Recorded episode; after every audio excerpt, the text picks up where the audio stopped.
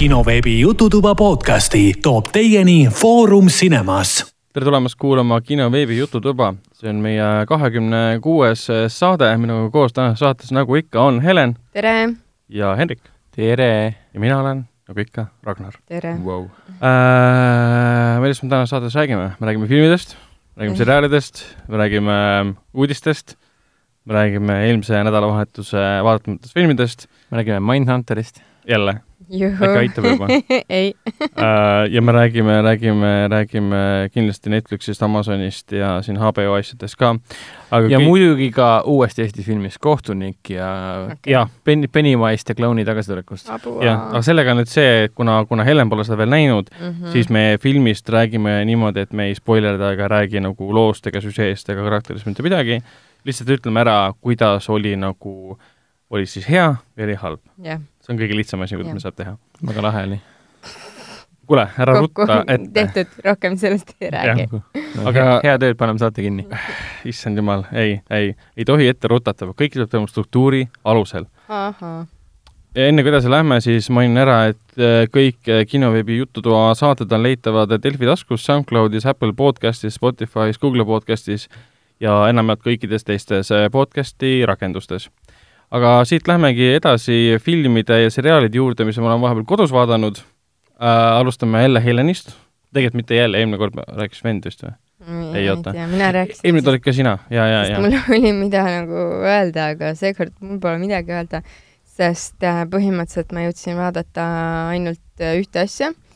kunagi ammustel aegadel, kui me alustasime, ma rääkisin äh, sellest, et ma sattusin sellise sarja peale Netflixis nagu Bad Moms ja nüüd siis see sari meie kahekümne kuue saate jooksul on siis äh, jõudnud kolmanda hooajani juba et ähm, ja siis äh, mõtlesin, et ma niisama mingi scroll isin seal äh, Netflixis mm. -hmm ja siis näitab mulle kogu aeg Bad Moms New Episode, New Episode, mis, mis asja, ma just vaatasin ära teise hooaja, et no mis asja onju, ma mõtlesin okei okay,. aitab küll, jah? jah, et no ma mõtlesin okei okay,, ma võin ju teda nagu taustale panna uuesti mängima, et äh, hea küll onju. ja siis vaatan, et ohoo, kolmas hooaeg, mis mõttes nagu, ma ei viitsinud järgi vaadata, kas äh, reaalselt tuligi kaks hooaega ühes aastas või siis lihtsalt, et mul oli mingisugune paus ootamatult niisugune, et kuidagi ma nägin äh, kolmandat hooaega.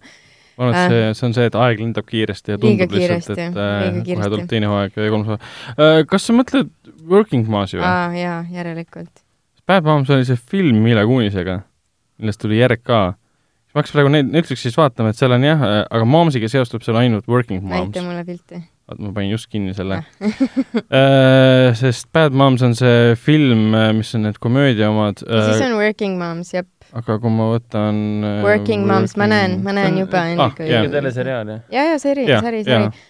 ja väga hästi dramatiseeritud ähm,, väga ägedad näitlejad on äh,, teemad on tõsised äh, ja täitsa lõpp, aga naljakas on ka mingisugused asjad lihtsalt on nii naljakad, on otsad lihtsalt, mingi kõva häälega itsitasin lihtsalt. ja see suht äh, oligi kõik. aga kas, äh, see on seriaal, mida sa soovitaksid äh, kõigile vaatamiseks? jaa, kindlasti, see sobib kõigile. et seal äh,, ma ei tea, ta on äge, ta, seal on äh, kolmandas hooajas on niisugust rohkem niisugust võib-olla peredraamat ähm, ja siis äh, ma ei tea, niisugune naiste hakkamasaamine laste kõrvalt ja ja, ja, ja ise, iseenda ikka ähm, vajaduste es, esile toomine ja kõik niisugused, niisugused chill-grill asjad. Mm. Ma vaatasin, et kuidagi kummaline, et sa ei ole vaadanud äh, Glow kolmandat hooaega juba. ei ole. Äh,, ma säilitan seda et, et ma saaksin seda reaalselt vaadata ja äh, ma natukene kardan, et eh, kas seal lähevad asjad liiga käest ära, kuigi ma ei usu, see oli ka ülinaljakas, see teine hooaeg ja, ja kõik toimis ülihästi, nii et no mingisuguseid õudsaid draamasid seal ei tulnud. ma ei usu nagu, et seal kolmandas tuleb ka, sest äh, üldjoontes on selle kolmanda kohta ka ikkagi väga head äh, sellised äh, tagasisided ja arvustused, et on ka super hästi tehtud nii et äh, ma, ma no, veel see esimene hooaeg oli juba jaa, teine ise vaatasin ära selle ainult esimese, see ja. oli küll väga hea. ja teine on ka väga hea ja, ja kolmas on nüüd niisugune mm, Las Vegas, no come on, Las Vegas glamuur, möll, kõik siuksed asjad. kas siis see maadlus, show maadlus kolib siis nagu Las Vegasesse või? just, just. kas seal on siis nagu uus salvestamine või seal on nagu uus võistlus mul pole õrna aimugi.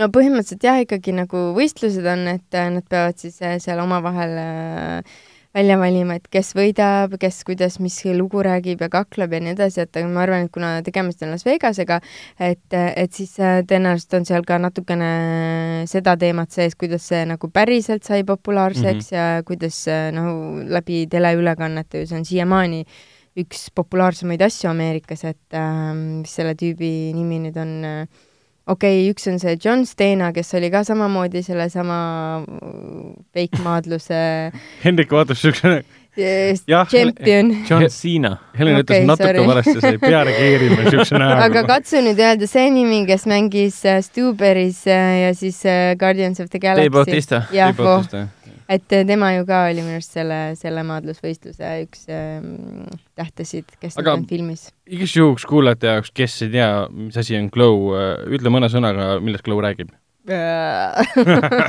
Glow räägib kaheksakümnendatel siis ähm, äh, see, ma ei teagi, kuidas see eesti keeles on, mis maadlus ta on nagu showmaadlus. showmaadlus äh, naistest, äh, kes mingi ala on töötud, äh, kellel on kopp ees, kellel pole muud teha ja siis nad moodustavad ühe grupi ja siis hakkavad pidama show sid ja saavad suhteliselt populaarseks ja siis saavad nii populaarseks, et siis neid kutsutakse Vegasesse lõpuks esinema mm. -hmm seal on see Alison Brie on ühes ja. peaosas, Brie oli see, kes muidugi on kogus tuntus sealt ähm, äh, community kaudu mm. -hmm.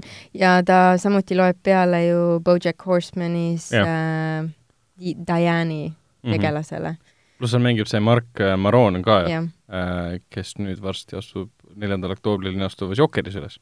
aa, ja seal mängib see Breaking Badi poiss ka mm, see, kes no Pinkmani mängis või?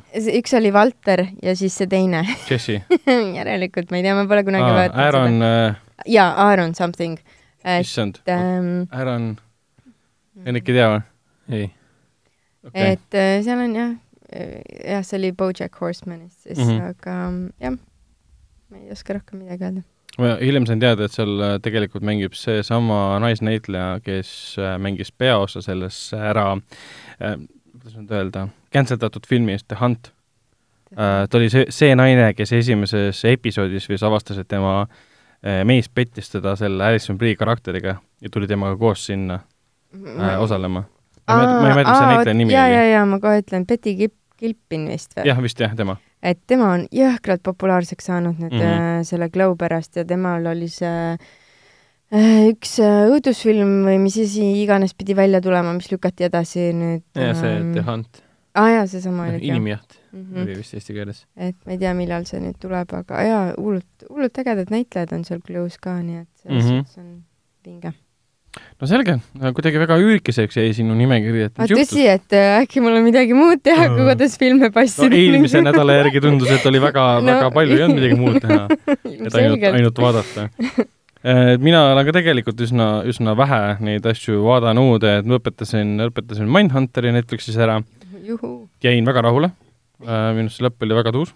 kogu seriaal on väga äge olnud mm. -hmm. pärast hakkasin vaatama neid intervjuusid siis selle kahe peaosalise nagu näitlejatega ka, kuidas nad päriselus kõlavad ja kõlavad üsna sarnaselt sellele, mis nad päriselus on, selles nagu seriaalis on. ma ei olegi siukse asju üldse vaadanud. kas see on ka Netflixis olemas või mm? -mm. ei, see on Youtube okei okay., no ma küsin sellepärast, et ma pole Dark Crystal'it veel vaadanud, aga sellel tuli eraldi ju behind the scenes aa, nagu Netflixis või? pooleteisetunnine behind the scenes aa. film, film ka välja. vahepeal seda teevad jah, ma nägin, et see Disney plussis, mis nüüd novembris yeah. alustab, seal hakkab ka niimoodi olema, et sul on no, kohe filmid on nagu ekstrad juures, seriaalid ekstrad juures uh,, behind mm -hmm. the scenes kustutatud stseenid mm, -hmm. igasugused mm -hmm. lisaasjad, mida Netflixis tegelikult jah e, väga tavapäraselt ei ole, ei ole.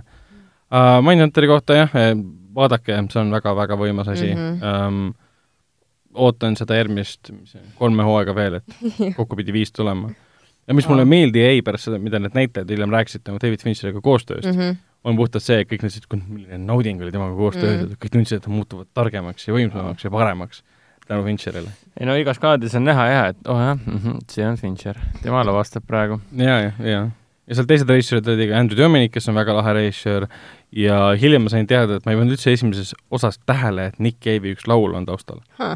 ühes stseenis.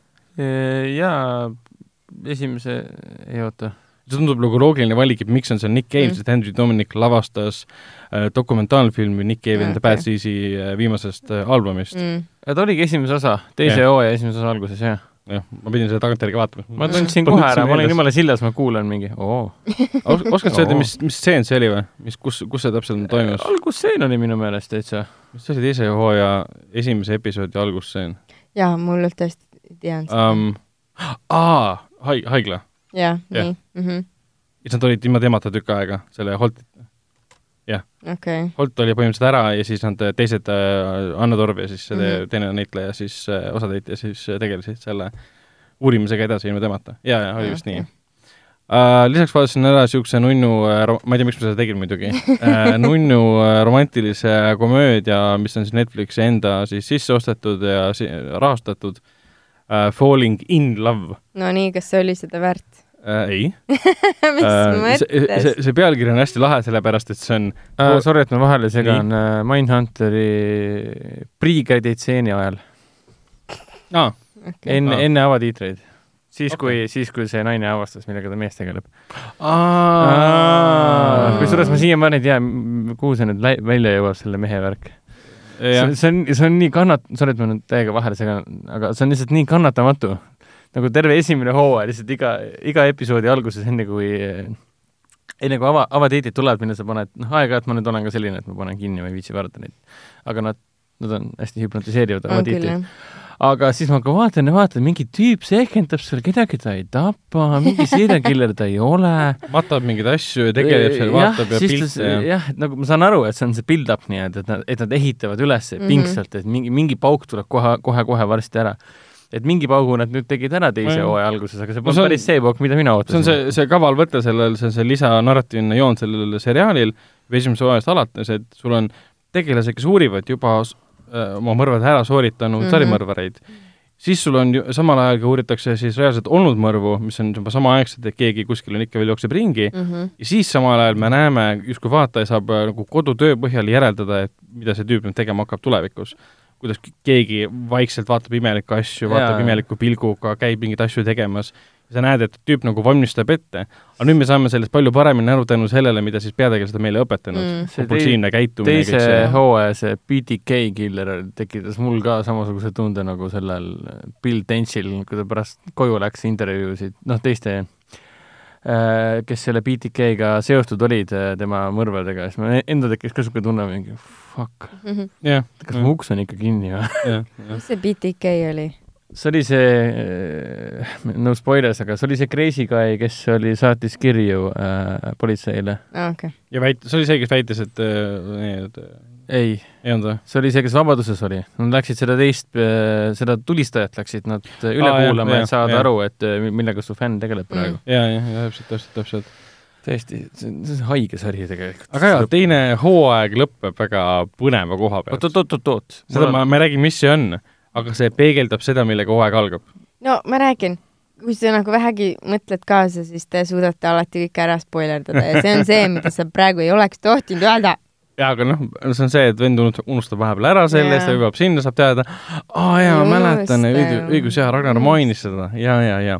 aga lähme tagasi rõõmsate asju juurde nagu Falling ah, in Love. In Love. ehk siis Falling, Falling in Love on üks nendest paljudest filmidest, mida vahepeal on Netflix rämedalt rahastanud ja sisse ostnud endale, mis on kõik niisugused filmid, et noh, pole ime, et ta kinno ei jõudnud, ta näeb välja kvaliteedilt, et see ei ole kinofilm Äh, vahepeal mm. oli see mingi Rebel Wilsoni film yeah,, see oli jälle yeah. klassikalise vormis tehtud, et ta vist lõi pea ära ja siis yep. kõik arvasid, et ta hoopis keegi teine, kes yeah. ta tegelikult ei yeah. ole uh,. Falling in Love on lihtsalt väga niisugune banaalne, ta ei ole labane õnneks, igav ja klišeeline film see naisest, kelle elu kukub kokku põhimõtteliselt mingi Los Angeles elades või oli mm -hmm. see New York ja siis ta võidab endale majakese põhimõtteliselt. Äh, võidab maja? lihtsalt nii lihtne ongi jah, nagu täpselt, jah okay.. põhimõtteliselt ta läheb kuidas, kuidas üks võidab? talle tuleb, talle tuleb meilile äh, teade, et osale majakese loosis okay.. ja siis ta õhtul seal joob veini ja on purjus ja siis ta kirjutab sinna kirja ka, sa pead kirjutama yeah. motivatsioonikirja, miks sa seda maja tahad yeah.. ja siis hommikul avastab, et ta võitis selle ja kuna tema Aa, elu ta on valaline naine kindlasti, jah? jah. aa, nii et kõik vallalise töötavad naised istuvad õhtul kodus, joovad veini või? kirjutavad kaadlaseid kirju. ja asi ei ole selles, et ta kohe filmi alguses esimese viieteist minuti jooksul ta kaotab endal Mälu. boyfriend'i, ta kaotab töö ja siis ta veedab õhtut siis nagu veini juues ja siis ta vastab sellele kirjale, hommikul avastab, et ta on võitnud enda selle majakese, mis asub oh siis Uus-Meremaal. ja siis ta lähebki Uus-Meremaale ja avastab, et see majake ei ole hoopis nii ilus, nagu piltidelt kujutati mm, -hmm. see oli mingisugune pettuskeem põhimõtteliselt, et mingi ah. lollike selle ära andnud yeah, maja yeah.. ja siis ta hakkab seda põhimõtteliselt üles ehitama. Ja siis ta, noh, vahepeal otsustab seda, et ma ehitan selle maja üles, lähen tagasi põhimõtteliselt oma päris mm -hmm. elu juurde mm. -hmm. aga seal ta muidugi leiab endale niisuguse noormehe, noormehe põhimõtteliselt ja lõpus otsustab, mis on tema siis päris elu, kus on ta mm -hmm. süda tegelikult aga nii vastikult klišeeline. aga ta ei, ta ei ole nagu vastik-vastik, ta on niisugune nagu äkki ta on mm. nii vastik, et ta on natukene hea? natu-, veits ta ve-, veits on niisugused momendid sees, et kus sul äh, peategelane pakib oma asjad kokku mm, -hmm. läheb korterist välja, nüüd ta läheb nagu otse Uus-Meremaale mm, -hmm. eks Äh, mingi kümme tundi lennukiga mm -hmm. ja, ja siis kolme bussiga. aga enne, kui ta jõuab kuskile, ta läheb kort-, tuleb korterist välja, vaatab ringi ja siis õhkab sügavalt, õlad käivad huh,, et nüüd ma lähen siis oma uuele seiklusele vastu. ja see on niisugune me meelega tehtud lavastuslik koht, et nagu iga vaataja saaks aru, et ta nüüd ootusärevil sellest yeah,, yeah. nagu what ja siis ta läheb nagu sinna Uus-Meremaale, käib seal äh, oma kontsakingadega ringi mm, -hmm. see on mhm. lavastatud meelega jälle mm. -hmm. näed, tuleb kuskilt linnast kontsakingad ja kõik vaatavad teda imelikult. Ja, ja siis satub selle mehe peale kuskil suvalises pärapõrgus põhimõtteliselt, kes pakub talle abi, tema mingi ei, pole abi vaja, mul ei ole mehi vaja põhimõtteliselt mm -hmm. ja siis mhm. tegelikult teil ongi vaja, see oli no, osa filmi võib-olla sõnumist äh,. ja siis ta saavutas oma eesmärgi ja kogu filmi aja põhimõtteliselt ta põhimõtteliselt eirab seda tüüpi, kes ühel hetkel mm -hmm. tuleb välja, et tal on ka, mitte, mitte ka, aga tal on traagiline minevik ja selle traagilise mineku nagu infokillu kättesaamisel peategelane kohe leibub tema suhtes, et hakkab midagi tundma tema vastu. ja seal on veits muutub niisuguseks karikatuurseks mingisuguseks Disney-laadseks filmiks mm, -hmm. kus tal on äh, kuri naaber, kes tahab seda maja endale, mille see naine võitis ja siis ta ühel hetkel nagu, nagu äh, võtab siis selle peategelase mobiili ja salaja saadab selle ex-boyfriendile siis sõnumi, et tule mulle Uus-Meremaale järele, siis ta tuleb sinna ja siis ta avastab, et nad on koos ühe teise tüübiga, siis tekib niisugune kolmnurk põhimõtteliselt ja siis niisugune vaatad, et mida ma nagu vaatan praegu yeah.. et see meenutab nagu mingi vanu äh, üheksakümnendate Disney filme umbes mm -hmm. niimoodi, et nagu see, see selles ei ole midagi imelikku, sest filmi tootjaks on niisugune asi nagu Mar Vista Entertainment okay., kelle, kelle filme näitabki siis Netflix ja üks asi, kes näitab tema filme ka, on ja. Hallmark Channel. Ehk siis kõige ah. cheesy im asi ja. üldse ehk maailmas. siis family friendly äh, no drama. no ja. drama, no täielik niisugune alternatiiv Disney. tegelikult kogu film mõjubki nagu Uus-Meremaa nagu reklaamfilm.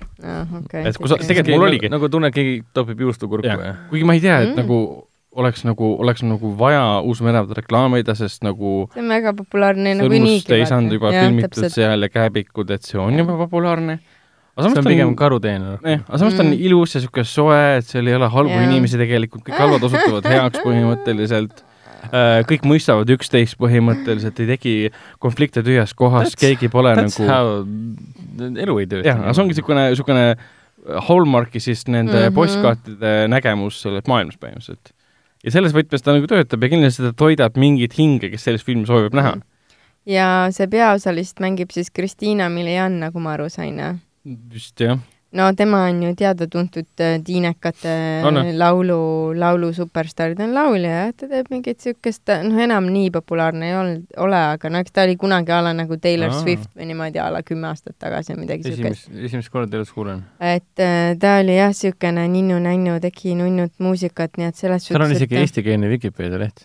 oh no, pagan no vot, ma ei ole enam teismeline no,, et ma ei tea enam. Äh, no mina ka ei ole, aga no tean ikka, et ähm,, et siis noh, see kõik make ib sense'i nagu, et niisugune mm. peaosaline, niisugune lugu, ma ei tea, mõnes mõttes nagu tahaks vaadata, aga ma ei tea. tal mingi võlu on, aga lihtsalt sa pead vaatama selliste avatud, avatud silmadega, et sa ei, sa ei oota sealt midagi nagu selle koha pealt. ühesõnaga, see ajutegevus on miinus null ja yeah. siis see on yeah. nagu okei ka täitsa. kui sa tahad näha seal mingi äh, hoti mehi umbes niimoodi. kuna peategelane on naine, siis ta kogu aeg noh, vaatab seda teist äh, meestegelast põhimõtteliselt teise pilgu, kui ta näeb tema ääbse lõpuks ja siis mingi uh, mm. ühesõnaga. seal on see klassikaline tseen ka, kus ta näeb tema ääbse, kui ta hakkab mingi pesema ennast kogu aeg luubis, jah. kogematult teeb mingi oh, oh my, mingi fucking Christ. mida ma vaatan, mida ma vaatan. pange põlema ennast, lõpetage ära. ei, ta, ta, ta on tore jah, ei mul tekib küll pärast seda, et tahaks küll minna kuskile inni nii-öelda Uus-Meremaale ja tšillida seal ja käia väikses äh, kohvikus, kus antakse sulle tegelikult on midagi paremat polnud vaadata või, või nagu pärast esimest viiteist minutit see nagu oli... räägi mulle sellest protsessist, et mul... pärast esimest viiteist minutit on esimene akt on nagu möödas, põhimõtteliselt mingi poolteist tundi film kindlasti. et mis see, mis see nagu see mõtteprotsess oli, et jah, ma nüüd vaatan selle lõpuni või? et nagu, nagu reaalselt, ma pigem vaatan saksa selle filmiga või... alustamise idee tegelikult tuli sellest, tõukus sellest samast ideest, mida Helen kasutas, kui ta lõpetas Mindhunteri teise hooaja no ja siis sa vaatasid otsa, vaata see, mis see oli, see Valley Rust Car yeah, something ja, ja, ja one hundred percent hotter ja täpselt. oota, mida, mis see loogika siis on, et midagi siis kui Mindhunter, kui sa vaatad Mindhunteri viimase kaadri ära, siis sa pärast seda tunned ennast kuidagi räpase ja rikutuna tatuši alla lood tasandis nutta veits. midagi helget vaadata, et tuletada talle meelde, et maailmas on sellepärast ma seda inni vaatasingi. see oli ideaalne ju. kui sa vaatad Falling in Love'i, siis see on, see on see maailm, kus ei ole vanglaid, kus yeah. ei ole sarimõrvareid, kes teevad naistega mingi kahtlaseid asju. ja kui sa töö kaotad, siis ei ole see maailma lõpp, onju. no täpselt, jah, kui sa töö kaotad, siis keegi ei küsi su käest üüri. Uus-Meremaal, jaa, jaa, see on põhiteema. noh, ja, ja sul kunagi isegi adresseerida neid probleeme nagu. mitte kunagi ei teki seda, seal peategelane kohe mingi aa, et ma lähen Uus-Meremaale neljaks nädalaks ja siis jätab äh, korterivõtmed oma sõbrannale, et hoolitse mu korteri eest. jah, sa saad isegi üüri edasi maksta, kui sa ostad nagu lennupileti kuskile karuperse no, ka veel võib-olla see oli tema korter, ma ei tea jälle. ikkagi. Aga USA-s on mortgage, sa pead ja. seda maksma. aga seda infot nagu meil, mulle ei jagatud ka, kõik mm. tundus nagu nii lihtne, et elu mm -hmm. ongi umbes selline, et sa lõpetad kooli, sulle kohe visatakse yeah. töökoht, kus sa istud yeah. viiskümmend aastat kontoris yeah. ja siis yeah. lähed pensionile tehtud. ja siis kõik on hästi ma arvan, tore. et see on väga õpetlik film, kas või mis iganes poolest. aga veits ta on lihtsalt Mindhunteri teise hooaja mm -hmm. vastumürk mm. -hmm, noh, natukene. vot. aga Hendrik, mis sa oled sina vaadanud? Kindlasti mitte Falling in Love'i mm. Mm. aga sul on see võimalus õnneks see on Netflixis olemas, nii et sul on täitsa võimalus seda teha veel. igal juhul ma mainin korra oma seda eh, harjumuspärast elu, mis mul lõppes ära selle suure paugu teooriaga, sest mis ta on, Kanal kuus TV6. ei tea, ei vaata alati sassi, kumb see kanal on, kas ta on Kanal kuus või TV, TV6? TV6, Kanal üksteist on olemas, Kanal kaks on olemas. Äh, seesamane Suure paugu teooria ju sai nüüd läbi, et nad mm. jõudsid lõpuks järje peale, no mitu aastat näitasid siin seda vanu hooaegu ja mida veel, et viimati nad näitasidki ju terve ringi ära uuesti koos kõikide episoodidega mm. -hmm. nüüd, nüüd võib ametlikult öelda, et see on läbi saanud ja ma olen ka kõik ära vaadanud mm. -hmm. aga pärast seda tekkis see tühimik, et mida, mida ma nüüd siis vaatan no, praegu me ei olegi, praegu me ei ole midagi igapäevast nagu leidnudki ainuke asi, mis ma avastasin, oli see, et äh, teisipäeviti vist äkki, ei oota, esmaspäeviti ja teisipäeviti, igatahes nädala alguses kaks päeva järjest näitab Kanal üksteist äh, üsna hilja õhtuti näitab äh, Parks and Recreationit. Oh.. praegu vist on esimese või teise hooaja alguses. ja praegu ma olengi põhimõtteliselt siis vaadanud kordusena põhimõtteliselt neid. See on hea nagu taustalmüra, ma olen kõiki episoode mitu korda näinud mm. niikuinii ja ühel hetkel mida rohkem ta edasi läheb, seda rohkem nagu mälu hakkab tuhmuma, sest noh, ma ei ole selline inimene, kes vaatab hästi palju seriaale mitu korda järjest ja uuesti. ma, ka tegelikult ei ole, jah. et Big Bang ja Friends on ainukesed põhimõtteliselt. Friendsi ma olen elus liiga palju uuesti vaadanud. jah yeah,, aga noh, Parks Recreation, ma vaatan ja vaatan, et on ikka nii, vabandust, ta on nii mm -hmm. särav ja nii toibukas seriaal ikkagi, need samad tegijad, kes teevad, tegid ju USA Office'i, need samad tegijad mm, -hmm. kes tegid ka Brooklyn Nine-Nine'i, et ja, ja, ja. ja, ja tuletan meelde, et Brooklyn Nine-Nine'i peaks nii jätkama see on väga hea asendus sellele, et miks ma ei peaks vaatama kogu aeg Friendsi uuesti. jaa, mina olengi pannud vahel Brooklyni peale kusjuures. sa ei ole Brooklyni praegu järje peale jõudnud või? ei, mul jäi vist neljanda hooaja alus äh, ma, ma vist isegi jõudsin Sest, lõpuni. mul on kõik lõpuni vaadatud. mul jäi äh, seal äh, pooleli, kus Netflixis nagu ja, ja seal on jah ja mul on viimane hooaeg vaatamata, sest ja. ma ei hakka kuskilt mujalt vaatama, ma ootan, millal ta Netflixi ära tuleb, siis ta ma vaatan. Mm, no loodame loodame, loodame et.... aga Parks and Recreation, vana lemmik, vana ägedus, selles mõttes, et Amy Poehler ja äh, mis ta, Nick Swanson või? Rick, ah? oota, mis ta nüüd on? kurat, Ron Swanson. Ron Swanson ja siis, siis kõik need ägedad tegelased, kõik Adam Scott, jah.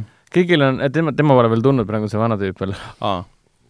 ja no Cherry ja kõik see, et nad on, see on nii tore vaadata. April, jah. Parks, Parks and Recreation Department põhimõtteliselt, Chris Pratt ja, ja, ja April Ludgate ja noh. mis see Chris Pratti tegelaskonna nimi oli? Andy. Andy. et noh, nii, nii pull on jälgida seda, kuidas nad kõik nagu alguses, algusfaasis on, kuidas siis Andy ja April Ludgate veel aeglaselt armuvad ja pärast nad on abielus juba ja kõik siuksed asjad ja ja huvitav on see, et see nii pagana sarmikas seriaal, mõtles, et nad ta on päriselt naljakas ka. jaa, nad on nagu reaalselt pingutanud selle nimel, et iga tegelane oleks kogu aeg mm -hmm. noh, võib öelda nii, et samasugune mm. -hmm ehk siis nad on kogu aeg oma mätta otsas nii-öelda ja see põrkuvad seal kogu mm -hmm. aeg, mhm. iga episoodis käib mingi räme põrkumine.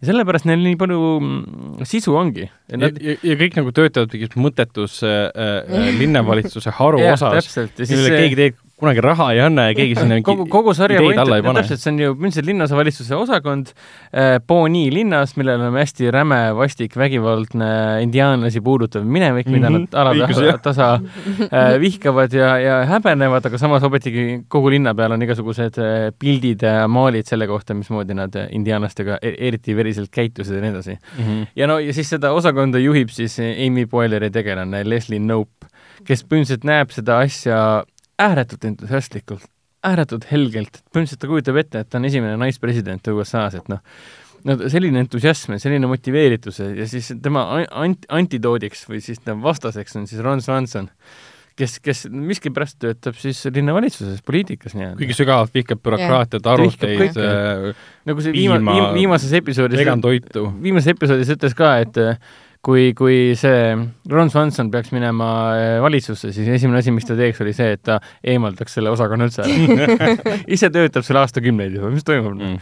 ja mm, tõesti niisugune helge seriaal, et kui, kui tahad näha niisugust äh, teravat huumorit, aga samas sooja ja mõnusaid karaktereid ja kus on kogu aeg konstantne nali käib, eriti just Chris Pratti endi tegelane, et noh see on, see on, sellest sarjast on nagu täpselt näha, et nagu kuidas James Gunn vaatas kõik need Parks and Recreationi hooajad ära mingi. jaa, see on minu Star-Lord, täiesti loogiline, et kes, kes mul veel siis Star-Lord saab olla, kui mitte see. Aga siis eh, Mindhunterist natuke rääkisime et.... Ah, mainin veel ära, et Parks and Rec on nähtav praegu vähemalt Eestis Amazoni, Amazon, Amazon, Amazon Prime videos, jah kõik aga, aga Mindhunterit vaatasin siis ka, äh, lubasin endale ühel õhtul, et okei okay,, ma vaatan Mindhunteri esimese hooaja lõpuni mm. -hmm. tuli esimese hooaja lõpp mingi, mis asja, mis mõttes, Holden, mis toimub, Holden. siis vaatasin kohe teise hooaja esimese osa otsa mingi, aa okei okay,, nüüd on make sense mhm, nüüd ma olen rahul. ja nüüd eile vaatasin kaks ja pool episoodi veel ära, et ma olin veits äh, unine, sest käisin, käisime ju, noh, mina ja vend käisime ju seal kurja klooni Pennywise'i uue filmi see teine peatükk ööseansil, mis ja, tähendas ja. seda, et mm. teki alla sai alles kell neli hommikul või veerand viis hommikul. nii et eile õhtuks oli küll niisugune tunne, et nagu oleks äh, räme pohmakas, ainult et keegi mulle tilkagi alkoholi ei andnud. jah, jah see oli ja, päris jõhker no,. samas võimas kogemus. jah, et sellest tulenevalt mul Mindhunteri kolmanda osa juures teisest, teisest hooajast jäin, silm vajus kinni ja siis mingi okei okay,, ma panen kinni magama aga teine osa täiesti, täiesti rappis mu ära selles suhtes, see sari läheb lihtsalt aina hullemaks, teine hooaeg on hull, hull, hullust, on täiesti, täiesti pöörane selles suhtes. et vahepeal ma tundsin ennast ka nagu see Bill Tench, et no jah, ma olen igasugust kontrollin, kas uks on kinni mm, -hmm. aknad on kinni ja kas keegi on korteris käinud vahepeal, et no tõesti hirmakas reaalselt nagu, lihtsalt väga mõjuv ja nii kvaliteetne ka, eriti see tseen, kus sa kuulasid, kui nad kuulasid seda poissi üle keda rünnati äh, näkku. aa ah, jaa, see, kes istus tagata tagaistmel. jaa, siis nad mm ju, ta ja, oli fookusest väljas kogu aeg, et kuidas see tseen nagu, see pingeline küsitlusseen nagu eskaleerus ja kuidas tema hääl kõrgenes kogu aeg ja see oli ja see, mis ta lõpuks ütles, et ma ei saa elada, ma tunnen, et ta kogu aeg tuleb ja tuleb ja tuleb, see tekitas niisuguse mm -hmm. foobia-tunde endas ka, et nagu äh, David Fincher on ikka mingi, no tähendab, mitte David Fincher, vaid selle sarja looja, Fincher Fincheriks, selle sarja looja on ju see mm, tüüp, kelle nime ma kunagi ei mäleta, sest kõik räägivad alati David Fincherist. no Fincher on sellele seriaalile nagu visuaalse tegelikult sarja looja on Joe Benhal. et tema, tema on noh, tema on ikkagi see soul credit tegelikult, kes selle asja meieni on toonud ja sellisel kujul toonud, nii et kummardan maani ja suudlen tema jalgu mm. -hmm või kingi, tähendab wow.. ja üldsegi see, et kus, kus ma muidu seda Jonat-, ei, mitte Jonathan Groff, kes seda Bill Tensi näit-, näitleja nüüd on? Holt? Holt, Mac Holt McCallani, kus jah. ma teda siis näinud olen varem, kus ma teda üldse näinud olen? tal oli kunagi üks boksiseriaal, boksidraama äh, Lights, Lights Out või? Jaa äh,, jaa. filmides, ta on, tal on niisugune nägu, et sa teda igal pool tegelikult näinud ja sa ei mäleta konkreetselt tema nime võib-olla. no ma vaatan, et tal on siin see Will Smithi Concussion, siis Tom Hanks'i Sully, Tom Cruise'i Jack Reacheri teine osa. üldse ei mäleta? üldse, äh, Gangster Squad The mäleta. Losers, A Perfect Getaway, ma olen kõik neid filme näinud, aga kui keegi küsib, et kas ta mängis seal, siis ma mingi okei okay,, lööme meid maha, ega mõni, mõni, mõni karakternäitleja ongi selline, et ta sulandub sellesse rolli niimoodi ära, et sa näed ainult neid rolle, sa ei näe nagu näitlejat seal enam. aga no nüüd on tal tõesti, tema, see Holdeni näitleja on üks asi, see on nagu jumala äge on see Holdeni näitleja, ma ei suuda üle saada sellest, kui äge näitleja see on, kui äge karakter see on. Holdeni karakteris mul üldse nagu alguses oli väga seedimatu see, kui vaikse ja tasase ja niisuguse pehme no, ja voolava häälega ta räägib kõikide mingi absurdselt haigete inimestega põhimõtteliselt. ta oli veel rikkumata noormees ja, ja sinisilmne maailma suhtes. samas, samas vaat kui optimistlik ta kohe yeah., kui optimistlikult ta lasi ennast rikkuda, siis ta on mingi, oi, mind saab rikkuda mm,, ma nii väga tahan, et mind rikutakse mm.. ja pärast sai siis jah. nii, aga siis äh, praeguse seisuga olen jõudnud Lõuna-Korea ajaloolise zombiseriaali The Kingdom, mida ma vaatan siis Netflixis, Mindhunter ka muidugi, kordame ajalooline zombiseriaal kõlab nagu, et zombid on yeah. reaalsed asjad, need olid ajaloos. jah, no see on ajalooline seriaal zombidest või? äkki nii on täpsem siis või, sest ta on ajalooline seriaal, aga lihtsalt zombidega. see on ajalooline, ajalooline seriaal zombidega. igal juhul ajalooline ta on, äh, kui ma nüüd ei eksi, siis ta leidis aset neljateistkümnenda sajandi äh, Lõuna-Koreas, praegusel äh, Seuli, noh, praeguses Soulis põhimõtteliselt mm. -hmm äh,. olen jõudnud siis neljanda episoodini, kuus on kokku, need kaks on veel vaadata äh,. pean ütlema seda, et kaks tuhat kakskümmend tuleb siis teine hooaeg äh,. ütleme nii, et ma olen sügavalt, sügavalt impressed mm.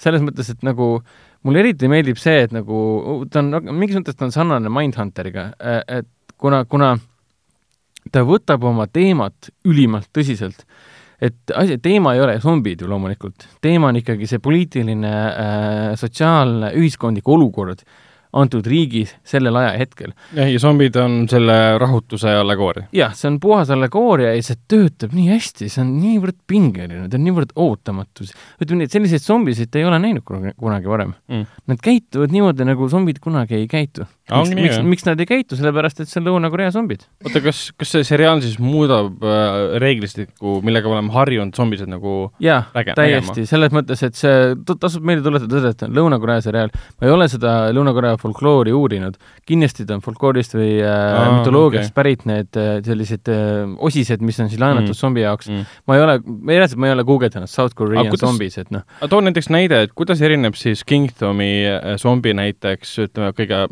halvem näide siis äh, Walking Deadi seriaali zombist. ma ei, ma ei saa seda öelda. no midagi saad ikka sellepärast, nagu, põhimõtteline erinevus. Te tahate ka seda vaadata? jaa, mina ja... tahaks küll vaadata. ma ei saa öelda, selles mõttes, et nad on nii erilised, et kui ma midagi juba ütlen, siis ta on juba spoilerdatud. Okay. mina olin nii õnnelik, kui ma vaatasin mingit teist või kolmandat osa ja mingi, oota, mida? okei okay,, okei okay., siis on teine asi, et mina tean praegu seda, et nad on, söövad liha. suur, suurem äh, lihasöömise trall on möödas, siis mingi süda puperdab mingi okei okay,, okei okay,, okei okay,, mis nüüd saab siis, et noh mm, -hmm. ja pluss see, et nagu peategelast ju kehastab äh, sama äge noor näitleja, kes äh, mängis ka selles Along with the Godsis, see Lõuna-Korea kaheosaline suur fantaasiaseiklus tema nimi oli midagi väga Lõuna-Korea pärast, mida ma alati kunagi ei mäleta, äh, ei jää meelde, aga Ji-Hon Yu on ta nimi mm. -hmm. ja, ja jumala hästi mängib siin ka, et alguses ma esimeses osas ei tundnud teda ära. Äh, sest kuna ta on nii hoopis teistsugune, noor prints ja kõik see, kostüümid on ka niimoodi kõik peas ja nii edasi.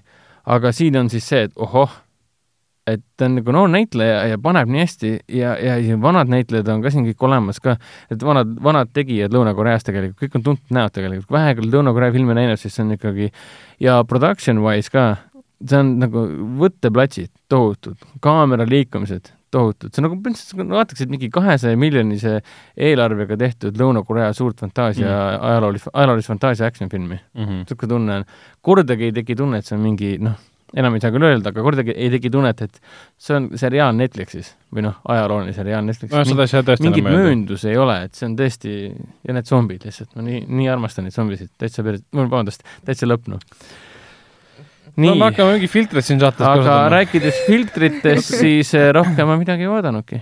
et eelmine kord eh, võtame ühe anuma siia, klaasist anuma, et iga kord, kui Hendrik kasutab mingit sõna, siis me paneme siia selle, selle mingisuguse asja sisse ja siis on seda heliliselt kosta. Et see oleks päris, päris hea lahendus asjale. nii, aga lähme edasi filmidega, mis eelmisel nädalal kinodes alustasid. Nende hulgas oli DeLoreani hullumeelne pettus, äh, Kaitseingel on langenud, pulmaöö peitusemäng, riigisaladus ja tantsulahing Äh, me vaatasime neist siis ära juba filmi tegelikult, mida me nägime eelmisel nädalal, eelmise nädala saates, sellest ka rääkisime väga pikemalt, äh, väga palju pikemalt, see oli siis Ready or Not ehk siis pulma peitusemäng. Et sellel, ma arvan, et me täna rohkem peatuma ei hakka, äh, kes tahab teada meie arvamusi, võib kuulata meie eelmist saadet, see on kahekümne viies saade. ja vist midagi saab lugeda ka netist või?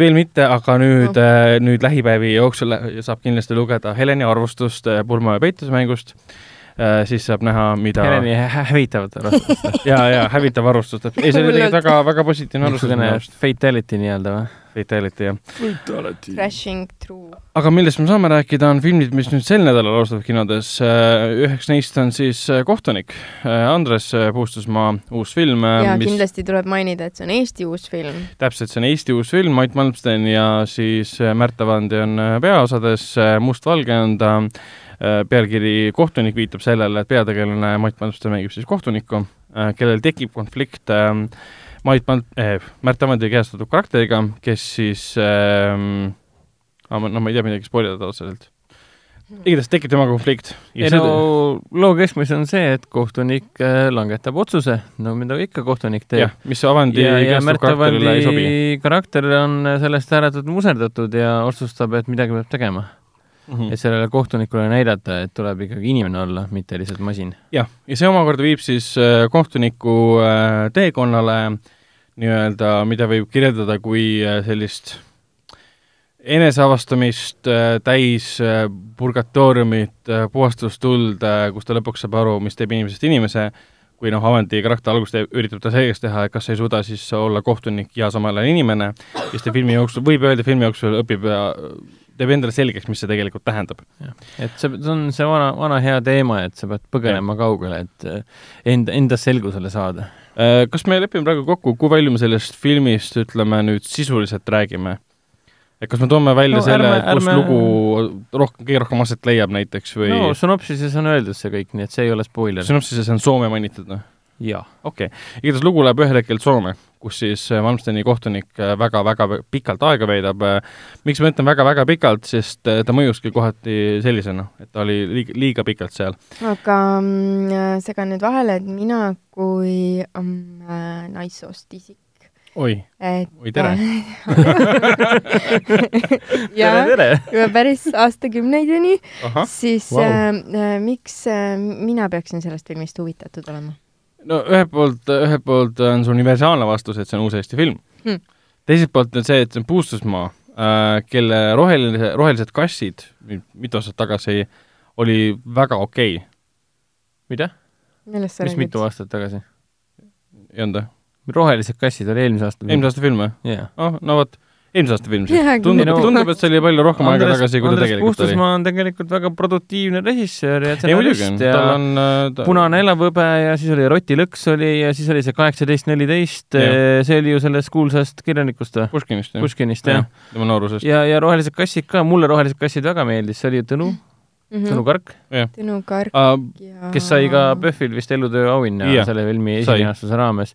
ja, ja mulle Rohelised kassid meeldis rohkem kui äh, kohtunik, aga kohtuniku vastates Heleni küsimusele, et miks tema kui naisisik, üllataval kombel tuleb välja, peaks seda filmi vaatama, äh, puhtalt äkki sellepärast, et ta on niisugune mm, humoorikas krimi, ei, krimi on väga raske öelda, humoorikas krimkasugemetega eneseotsimise draama põhimõtteliselt kus on siis, kus siis see Mait, Mal-, kus Mait Malmsten ja Märt Avandi tegelikult teevad väga head rollid.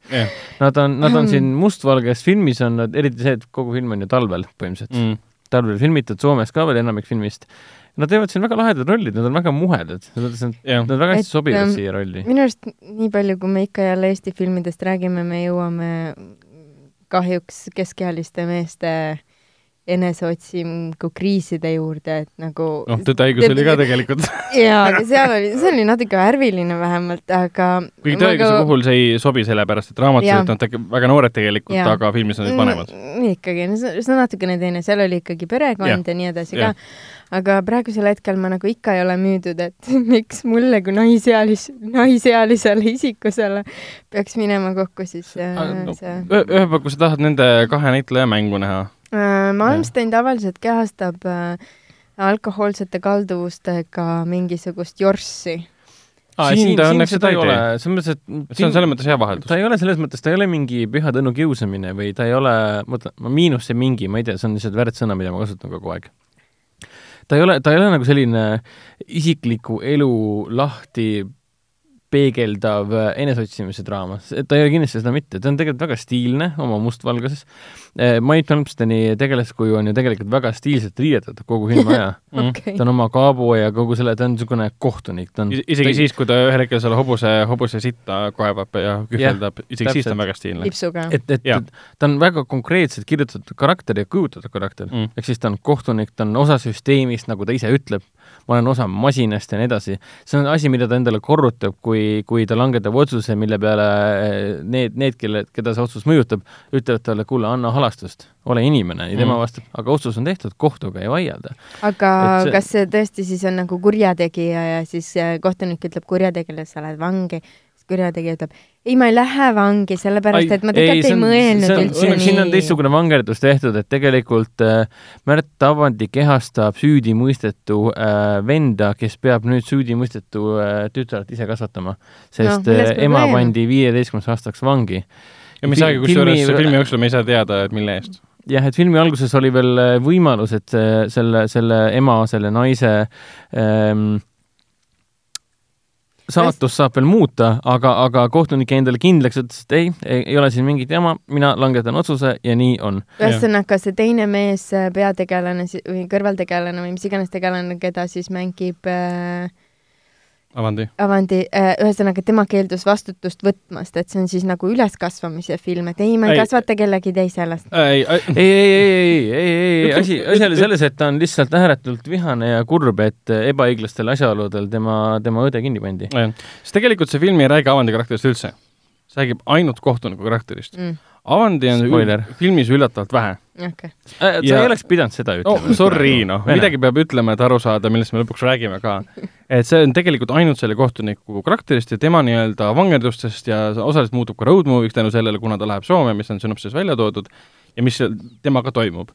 filmi võib-olla iseloomustav joon on, võib öelda seda, et sul on, võib öelda, passiivne tegelane, kellega juhtub kogu aeg midagi mm.. ja tema reageerib nendele sündmustele tihtipeale mitte midagi tehes mm -hmm. ja teinekord võtab mingi otsuse vastu. kas me mitte ei rääkinud sellest just eelmine, eelmine saade, et ähm, pulma ja peitusmängus oli samamoodi, et tegelasega midagi kogu aeg juhtub, ilma et tema jah. midagi enda vastutusele võtaks või siis, et temast äh, tulenevad tegevused Äh, juhiksid siis seda plotti ja sisu ja mm. kõike ja, muud. aga e-, erinevalt pulma ja peituse mängust on äh, kohtuniku äh, kulminatsioon tegelikult palju-palju-palju tugevam.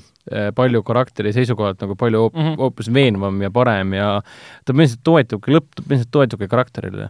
et lõpp on tegelikult üsna üllatav, siin filmis on palju, palju selliseid ootamatusi, twiste nii-öelda eriti just lõpp, et lõpu üle ma olen äh, tegelikult õnnelik, et Puustusmaa otsustas just sellise lõpu kirjutada mm.. Äh, see nagu avas silmi selle filmi puhul. see tekitas automaatselt minus tunde, et ahaa, ma saan sellest twistist aru, aga siis lõppu jätkus ja vaatad mingi ei, ma vist ei saanud twistist aru. ja see on jah, veits ta mängib sulle mingi nagu petab, petab sind sellega. twisti ühel hetkel ootamatult ette ja siis ta noh, tuleb välja, et see oli tegelikult vale twist, et näe, sa panin su arvama ühte teist asja, mis tegelikult üldse ei olnud. Okay.. jah, et pigem, pigem äh, ma võrdleks teda, ta on küll niisugune see on, siin on küll kirjas, et ta on musta huumoriga road movie, aga pigem ma ütleks selle kohta, et ta on pigem niisugune humoorikas äh, draama, humoorikas road movie.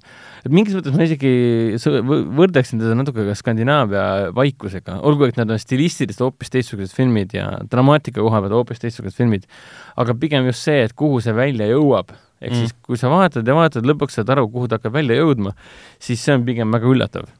et noh mis selle taga tegelikult on. ja mm. ma ise võrdleksin teda isegi kohati ka selle püha, püha Tõnu äh, kiusamisega.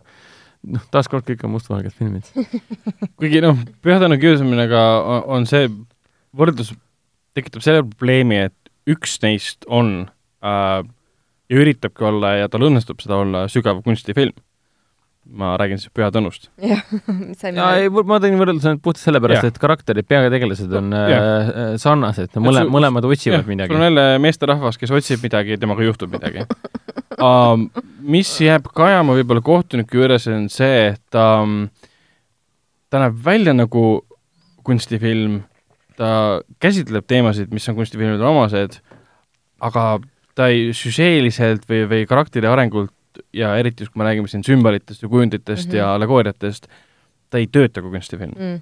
et ta yeah. veits mõjub, et ta nagu soovis teha sellist filmi nagu Püha Tõnu mm -hmm. või mis iganes filmid veel pähe tulevad, aga kas mõtles ümber või siis ta ei osanud seda teha nii, nagu teised on teinud mm. ja tegi oma versiooni sellest ja miks, miks ta tundub nagu kunstifilm, ah, ongi sellepärast, et ta on mustvalge ja peategelane elab läbi mingit katarsit kogu aeg põhimõtteliselt mm. ja kõik tegelased tema ümber, kes tema juurde satuvad, põhimõtteliselt panetab teatud olukorda, kus ta peab nendele reageerima. samas, samas mina võtan seda jälle kui täielikku Andres Puustusmaa filmi.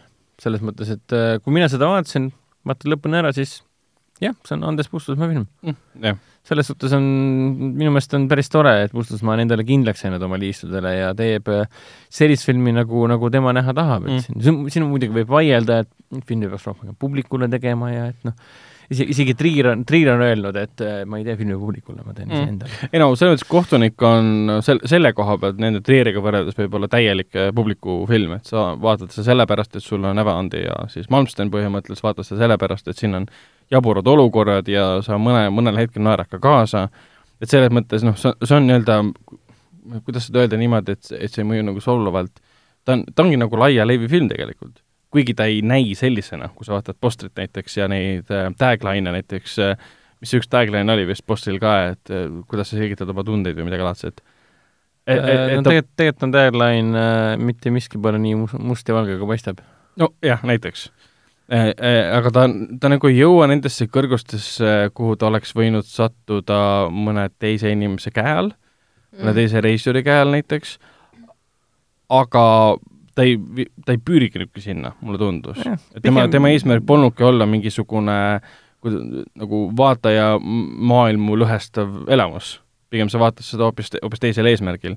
Ja kõige huvitavam, võib-olla lahedam ongi see, et ta pakub üllatusi, et kuhu see lugu läheb, et yeah, plus, plus, kui ta filmi alguses Soome jooksis, ma mingi, ahah, seda ma ei oodanud okay.. ja siis see, mis ta Soomes il... nagu teeb yeah., kogu aeg juhtub tema ümber asju ja kuidas ta sellega kaasa läheb, siis kogu aeg on niisugune tunne, et ahah, okei okay. Yeah. nüüd ta läheb sinna siis, ossa risk yeah. nagu. et kogu aeg on niisugune tunne, et nüüd ma ei tea küll, kuhu ta edasi läheb ja yeah. siis tulevad mõned pikad stseenid, kus siis või üks pikk kaader, kuidas üks tegelane räägib meie Mait Malmsteniga ja Mait Malmsten lihtsalt, lihtsalt istub ja vaatab talle otsa mingi, et kuule, ma olen nagu, noh, ta ei ütle talle midagi, aga tunne on täpselt selline, et ma olen siin, ma literaali tulin just Soome siia Pärapõrgusse, ma istun siin väljas pingil, et miks sa minuga räägid nii pikalt, et nagu see oli dialoog ilma teise inimese monoloog põhimõtteliselt. muidugi väga palju filmist ongi ehitatud selle peale, et näitlejad ähm, Avandi ja Malmström siis äh, filmi alguses räägivad kõige rohkem ja kogu filmi jooksul nad äh, vaatavad tühjusesse. Ei, nad ei vaata tühjusesse, nad ei, reageerivad siin... nendega toimuvale läbi pilkude ja näoilmete. Nad ei, tihtipeale ise üldse ei suhtle teiste inimestega. kuigi Eesti, Eesti, Eesti, Eesti filmilikku tühjusesse passimist siin põhimõtteliselt üldse ei ole. jaa, et ütleme nii, keegi ei lähe randa ega vaata meeret näiteks. tragikoomiline seiklus nii-öelda. et kogu aeg on liikumine, mis oli väga äge tegelikult kord on vaja sauna minna naistega ja siis on vaja äh, viina juua, et purjus saunalane koju viia ja siis ja siis tema mehe käest peksa saada, et no, asi, mm. asjad eskaleeruvad kiiresti ja seda on nagu nagu tore näha, et kohati mulle ta kadreeringu või siis lavastuse poole pealt isegi meenutas alguses ähm, Kaurismäki stiili või siis siin sa vahepeal tõid võrdluseks ka selle olgu, et natuke ülemääraselt Kusturitsa see stiili ah,. Kusturitsat võrrelda saab tõesti ainult selle poolest, et nagu karakterite rohkus see ja see, kuidas nad peale tungivad. idee tasandil, et mida rohkem sulle tuuakse karakterid juurde, kõik tunduvad mitte karakterite, karakterite noh, nii-öelda karakterite yeah. poolest, vaid siin yeah. on pigem nagu karakterite, karakterite poolest. Vau, mm. milline lause. pigem nende värvikuse poolest, et nad yeah, täidavad yeah. kogu kaadri ära ja võtavad, tõmbavad sind endaga kaasa. jah yeah,, seda küll. see on väga, kuidas öelda, viisakas äh, äh, massifilm, mis tundub võib-olla reklaami alusel rohkem kunstifilm, kui ta tegelikult on. ja see oli pigem nagu kergendus minu jaoks, et ma ei vaata järjekordset Eesti sellist kunstiponistust, äh, vaid see on täiesti korralik äh, must komöödia ma tema kohta ei ütleks. ta on pigem selline kohati, kohati vaimukas. sest noh, tragikomöödia on temaga oleks minuga liiga palju et me naersime vist ühe korra. Ja pigem ma lihtsalt elasin kaasa või muigasin kaasa, kui see, et sa nüüd uh, suu lahti keel suust väljas naersid täiesti, täis kõrist, et seda päris, seda päris ei olnud uh,. Ütleme, kas on midagi veel mainida kohtuniku kohta, mida me ei ole juba öelnud uh,? Ei, ei vist mitte. okei okay., aga siis, äh, kui Helen on järgmisel nädalal selle ära vaadanud, siis me saame veel sellest rääkida veits uh,. Uh, ja vaatame, mida siis Helen asjast arvab, sest ma näen mm -hmm. pilgust, et see on kõik minu entusiasm on nii meeletu, vaata. täpselt, et kogu, sa võtad kogu meie juttu väga suure skepsisega, et see, see ei ole päris nii. skepsisega Uh, lähme edasi, lähme edasi uh, It Chapter kahe juurde, ehk siis, siis selle uh, sügise suurimast filmist. see teine peatükk, mis on Filmi siis kahe tuhande seitsmeteistkümnenda aasta um, Andy Muschietti filmi See, hiljem, mis ametlik pealkiri on See esimene peatükk Järg. Uh, see põhineb siis Stephen Kingi samanimelisel romaanil, mis Stephen on üks, Kingi üks, tuhandeleheküljelisel romaanil. mis on üks pikk raamat, mis on siis uh, filmide jaoks siis uh, kaheks jaotatud. ja nüüd on põnev tõdeda, et sellest romaanist pole filmiajaloolisel tasandil mitte kunagi tehtud ühte teist pikka filmi jah, varasemalt oli varas-, ei täpselt ei ole jah mm.. aga nüüd tegelikult saab, sa saad need kaks filmi kokku monteerida põhimõtteliselt. ja siis sa vaatad seda mingi kuus tundi, jah kaks, kaks Peaaegu pool pluss kaks nelikümmend kaheksa midagi või? umbes nii aga pikkus selle filmil ei ole, ei ole väga, ei, ei üldse ei jäänud tunda, sest kogu film oli suht niisugune, selle kohta öeldakse blockbuster horror movie ju. et ta oli tõesti nagu kaaspõhjas algusest peale. pigem, pigem selle kohta võib öelda seda, et Warner Brothers oli küll väga julge, et andis nagu pärast seda, kui It osutus tohutu suureks hitiks, raha juurde ja põhimõtteliselt andis äh, Muschetile ehk siis režissööril vabad käed mm.. tee meile blockbuster, äh, blockbuster horror-film. ja kui me räägime blockbuster õudusfilmist, siis me võib-olla talle meeldib James Boni filmid äh,, Conjuringi filmid mm., aga, aga need on blockbusterid sellepärast, et nad on tagasi väga palju raha teeninud mm. -hmm. aga mitte sellepärast, mis seal filmis endas toimub. Need on kõik kuskil majades ja seal on mingi õudus. aga kui sa vaatad It kahte, siis kui see, mis tundus suurejooneline It ühes, seda on nüüd väga-väga-väga palju võimendatud ja ta tõesti mõjub nagu suure eelarveline horror äh, fantaasia ulmekas. ja ta on ikkagi natukene draama ka, et ta ei ja, ole ja, ju selles mõttes, ta ei ole mingi naljafilm. absoluutselt. ikka täis, täisvereline draama. ja nüüd, nüüd on sul muidugi suurepärased draamanäitlejad äh,, Andy, Andy James McAvoy, James McAvoy, Jessica Chastain uh,, Bill Hader. jah, ja, ja Bill Hader tegelikult on filmi üks säravamaid tähti mm., uh, teda pigem teatakse kui komöödianäitlejana Äh, või siis ta on selliste kahtlaste komöödiasugemetega seriaalides ka osalenud. tema, tema mängib siis seda täiskasvanud versiooni sellest äh, Richist, keda siis esimeses filmis kehastas äh, Stranger Thingsi äh, Finn ja. Wolfhard. see oli see, kes see, kes ropendas mm., jah, täpselt. prillidega poiss siis. see, kes kogu aeg tegi ja. su ema nalju ja nii edasi. Ja kuna esimene film lõppes sellega, et nad tegid, lapsed tegid siis lubaduse, et kui mm -hmm. It siis kahekümne seitsme aasta pärast, kuna iga kahekümne seitsme aasta tagant selles Terri linnas käis, tuleb tagasi, siis me koguneme, hakkame uuesti võitlema okay.. ja seda nad tegelikult siis filmis teevadki.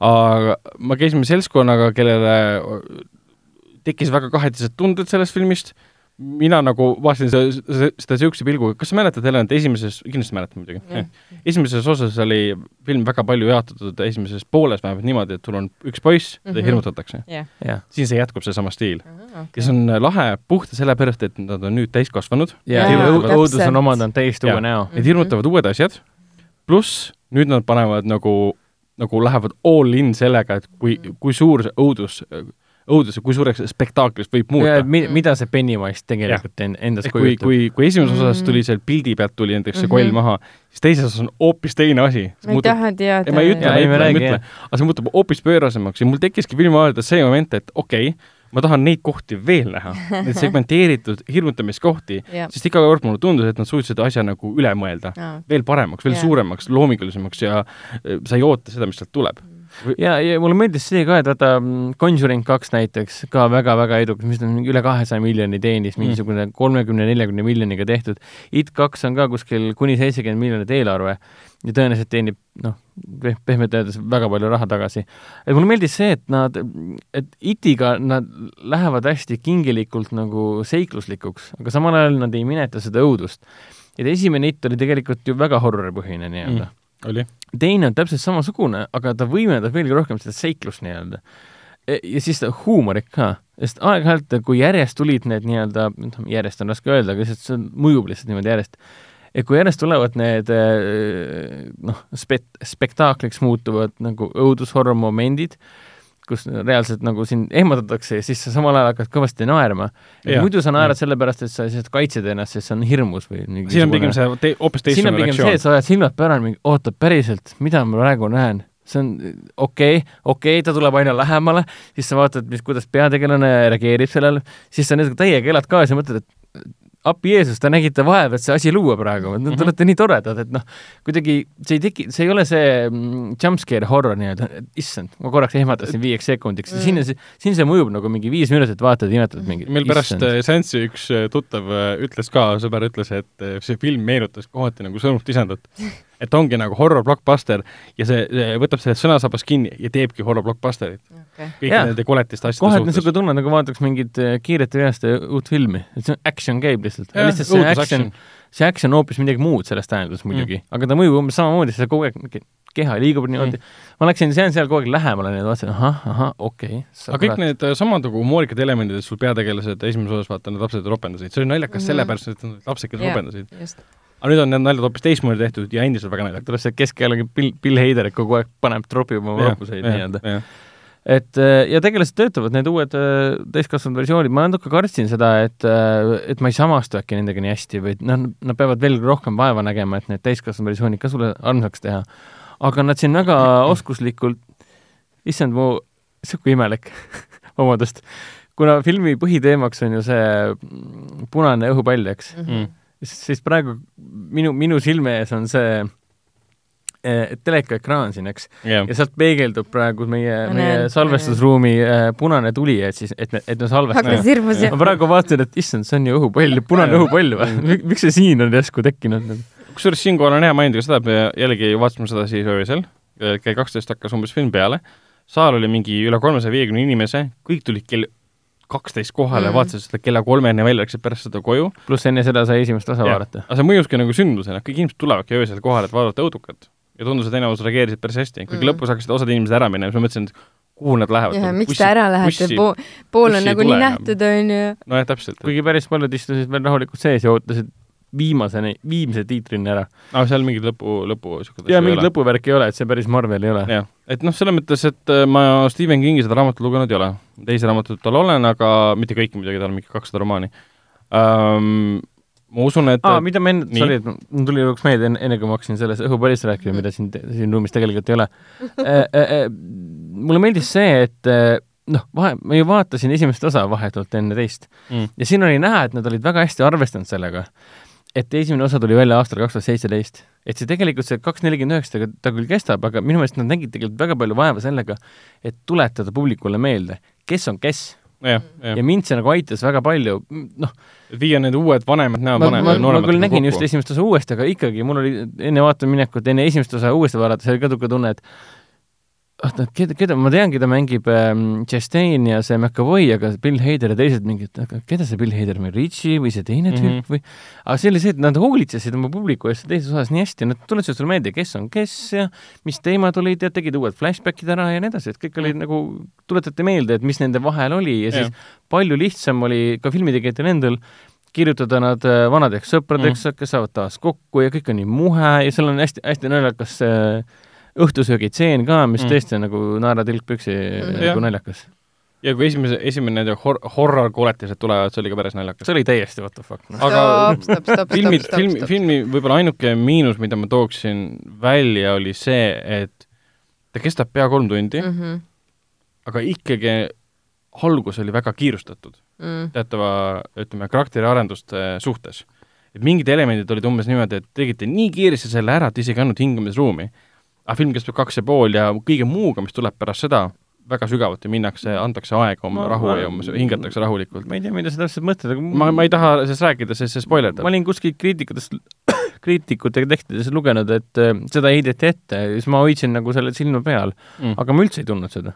ei no mõni, mõni koht ainult ühe tegelase suhtes. jah, mõni koht oli umbes niimoodi, et äh, ma hakkasin käsi laiutama, et ma ei ma ei uskunud seda momenti, sest ta oli võetud teatud momendist tema minevikus oli pandud uuesti nagu olevikku, ehk siis filmi olevikku või noh, tulevikku siis, ja, ja keeratud vint peale sinna, et me saaksime sellest aru, et kuna see vanasti juhtus, juhtus nüüd uuesti, et siin ei peagi selgitama selle tagamaid põhimõtteliselt. ja seetõttu need asjad nagu mind veits häirisid, et teil on aega küll tegelikult, aga te teete seda hästi-hästi kiiresti. et äh, aga see oli ainuke niisugune pisikene, pisikene tõrvapilk nii-öelda meie, meie potis muidu, no esimene osa on ikka parem, aga, aga noh, see on ka loogiline, sest noh, esimesed osad on alati paremad. aga minu meelest on see film on küll nagu sada, võib öelda, et sada protsenti täiesti teretulnud äh, tagasitulek Pennywise'i, Pennywise'i tagasitulek selles suhtes, et nagu nii tore ja. oli jälle nende tegelastega olla mm., nii tore oli Pennywise'iga olla ja Pils on... Kaskard mm. mm. -hmm. täpselt mm, -hmm. jube hea, ta saab, ta saab nii ägedaid stseene siin, see on yeah. kohad, ma tahan seda uuesti vaatama minna. ta on sada korda huvitavam ja põnevam, kui ta oli esimeses. ja no filmi teine pool ka aga me ei tahagi tegelikult üldse spoilida, sest kuulajad pole ka veel, me ei ole midagi spoilida peale selle, et Bill on jälle hea Uh, ja kuna kuulajad pole niikuinii filmi võib-olla veel näinud, siis me ei taha neile ka midagi täna on ju alles esilinastused ja ainukene võimalus, täna on neljapäev või? jah ja ei oota, eile olid esilinastused? ei, täna. eile ma ei saanud seda vaatama minna, sest ah jaa me vaatasime kolmapäeva öösel. me vaatasime, mul on kõik sassis täna selle. jaa, täna on neljapäev. ehk siis kolmapäeva õhtul olid juba esilinastused tegelikult. ei olnud. neljapäeval oli? oli küll. neljapäeval olid, sest ma tahtsin kolmapäeval täna ongi neljapäev. mitte Plaza's, aga siis mujal oli, sa mõtled seda? jaa, ma mõtlen. jaa, jaa, jaa, jaa, selles mõttes, selles mõttes küll, selles mõttes küll. meie tegime oma eriürituse nagu, nagu öösel ära, nii et nagu ikka, õudukaid vaadatakse öösel täpselt. Okay..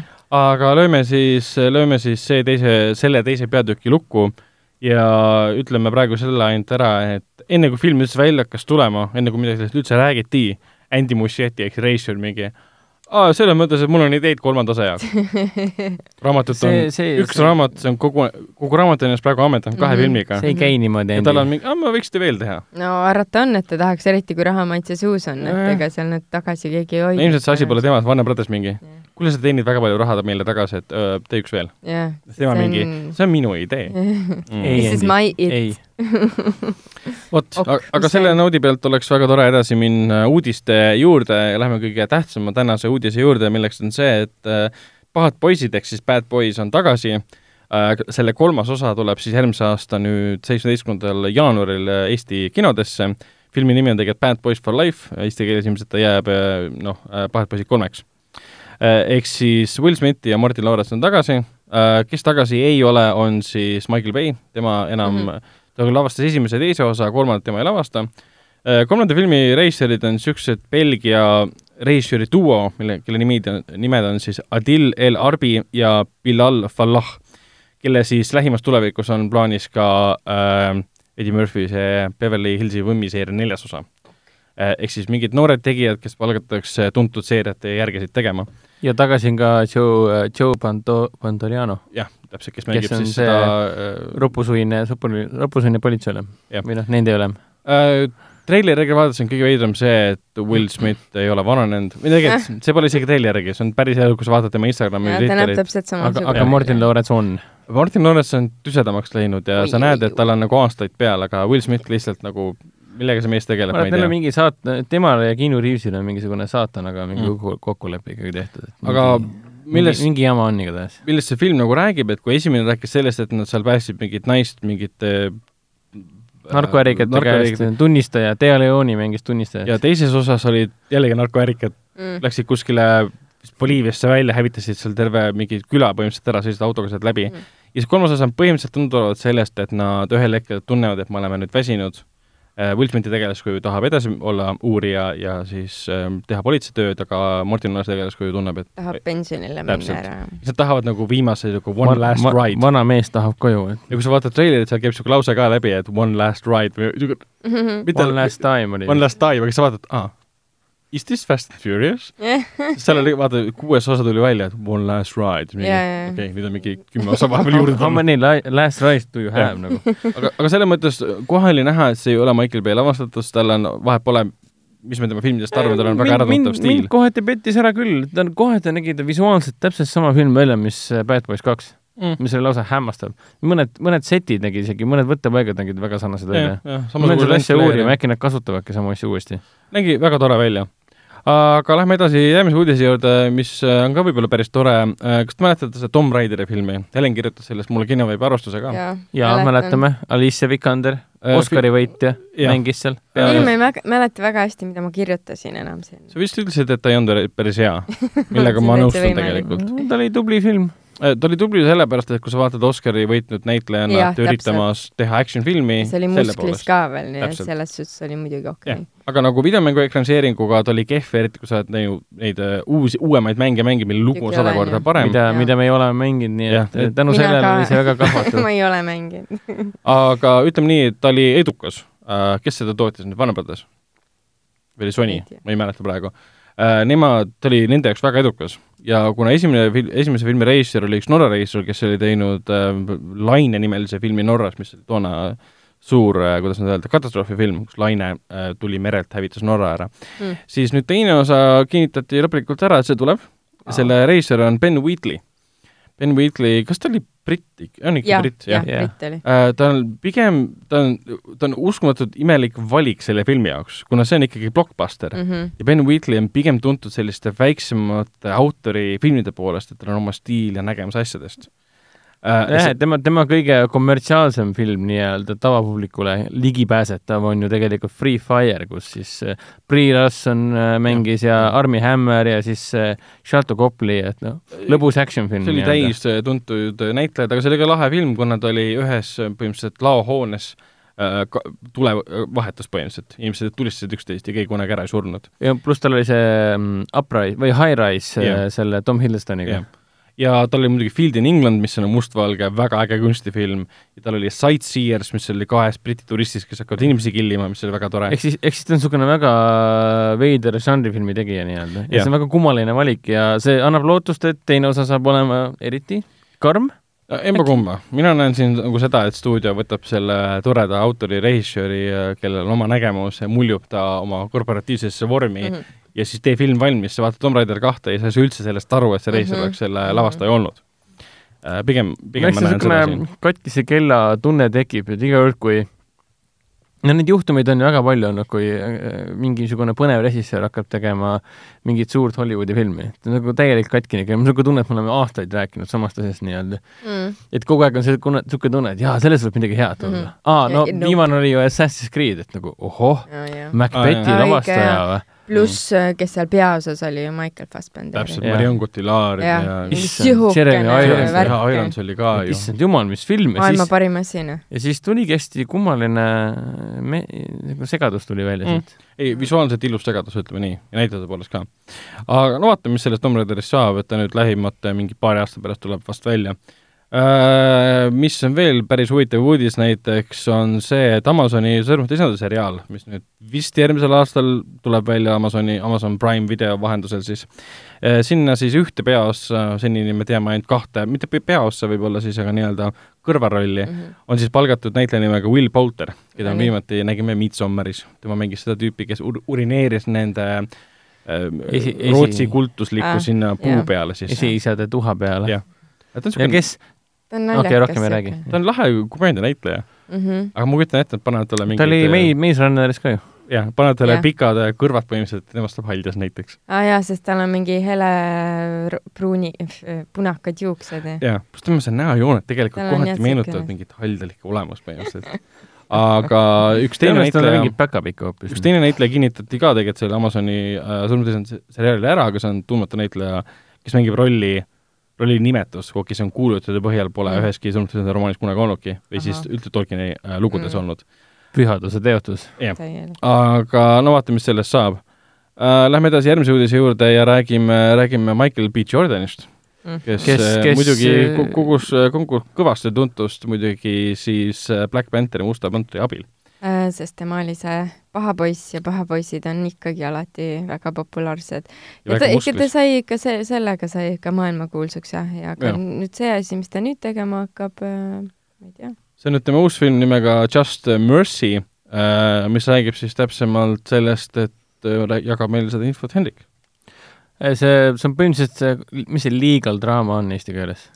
Kohtudraama. põhimõtteliselt kohtudraama, kuidas siis Michael B Jordani tegelane püüab Jamie Foxi tegelast äh, äh vanglast välja saada, surma mõistetute vanglast välja saada, kuna mm -hmm. ta mhm. on sinna mõistetud valedel alustel ja nii edasi mm. -hmm. huvitavaks muudab selle asja on sellepärast, et äh, lisaks Michael B Jordanile, kes meil on Marveli universumis, mängib siin filmis ka Brie Larson, kes on ei keegi muu kui kapten Marvel, pluss filmi lavastab äh, sellise äh, ühe suurepärase filmi režissöör nagu äh, test, Destin Daniel Creton. miks ma ütlesin üks, ühe suurepärase filmi, sest ta tegi niisuguse filmi nagu Short Film, Short Term Twelve, kus peaosas oli Brie Larson, mis oli fantastiline vekedraama siis ta tegi Brie Larsoniga Glass Castle'i, mis oli niisugune ah, li, liiga ambitsioonikas ja vajus ära nii-öelda kohati. aga miks me tegelikult sellest filmist üldse räägime, see on sellepärast, et lisaks kahele Marveli näitlejale on see, et tegemist on ka Marveli režissööriga sest tema on see mees, kes hakkab tegema järgmisena sellist toredat Marveli filmi nagu nagu, nagu Shang-Chi and the mm. Legend of, Legend of Ten Rings. ehk siis äh, kaks tuhat kakskümmend üks tuleb välja ja see on üks nendest ambitsioonikatest uutest äh, Marveli uue faasi filmidest. nii et tõenäoliselt me hakkame nägema seda ka, et äh, võimalik, et see film paneb isegi Just Mercy äh, Michael B Jordaniga paneb isegi mõne Oscarikese kinni.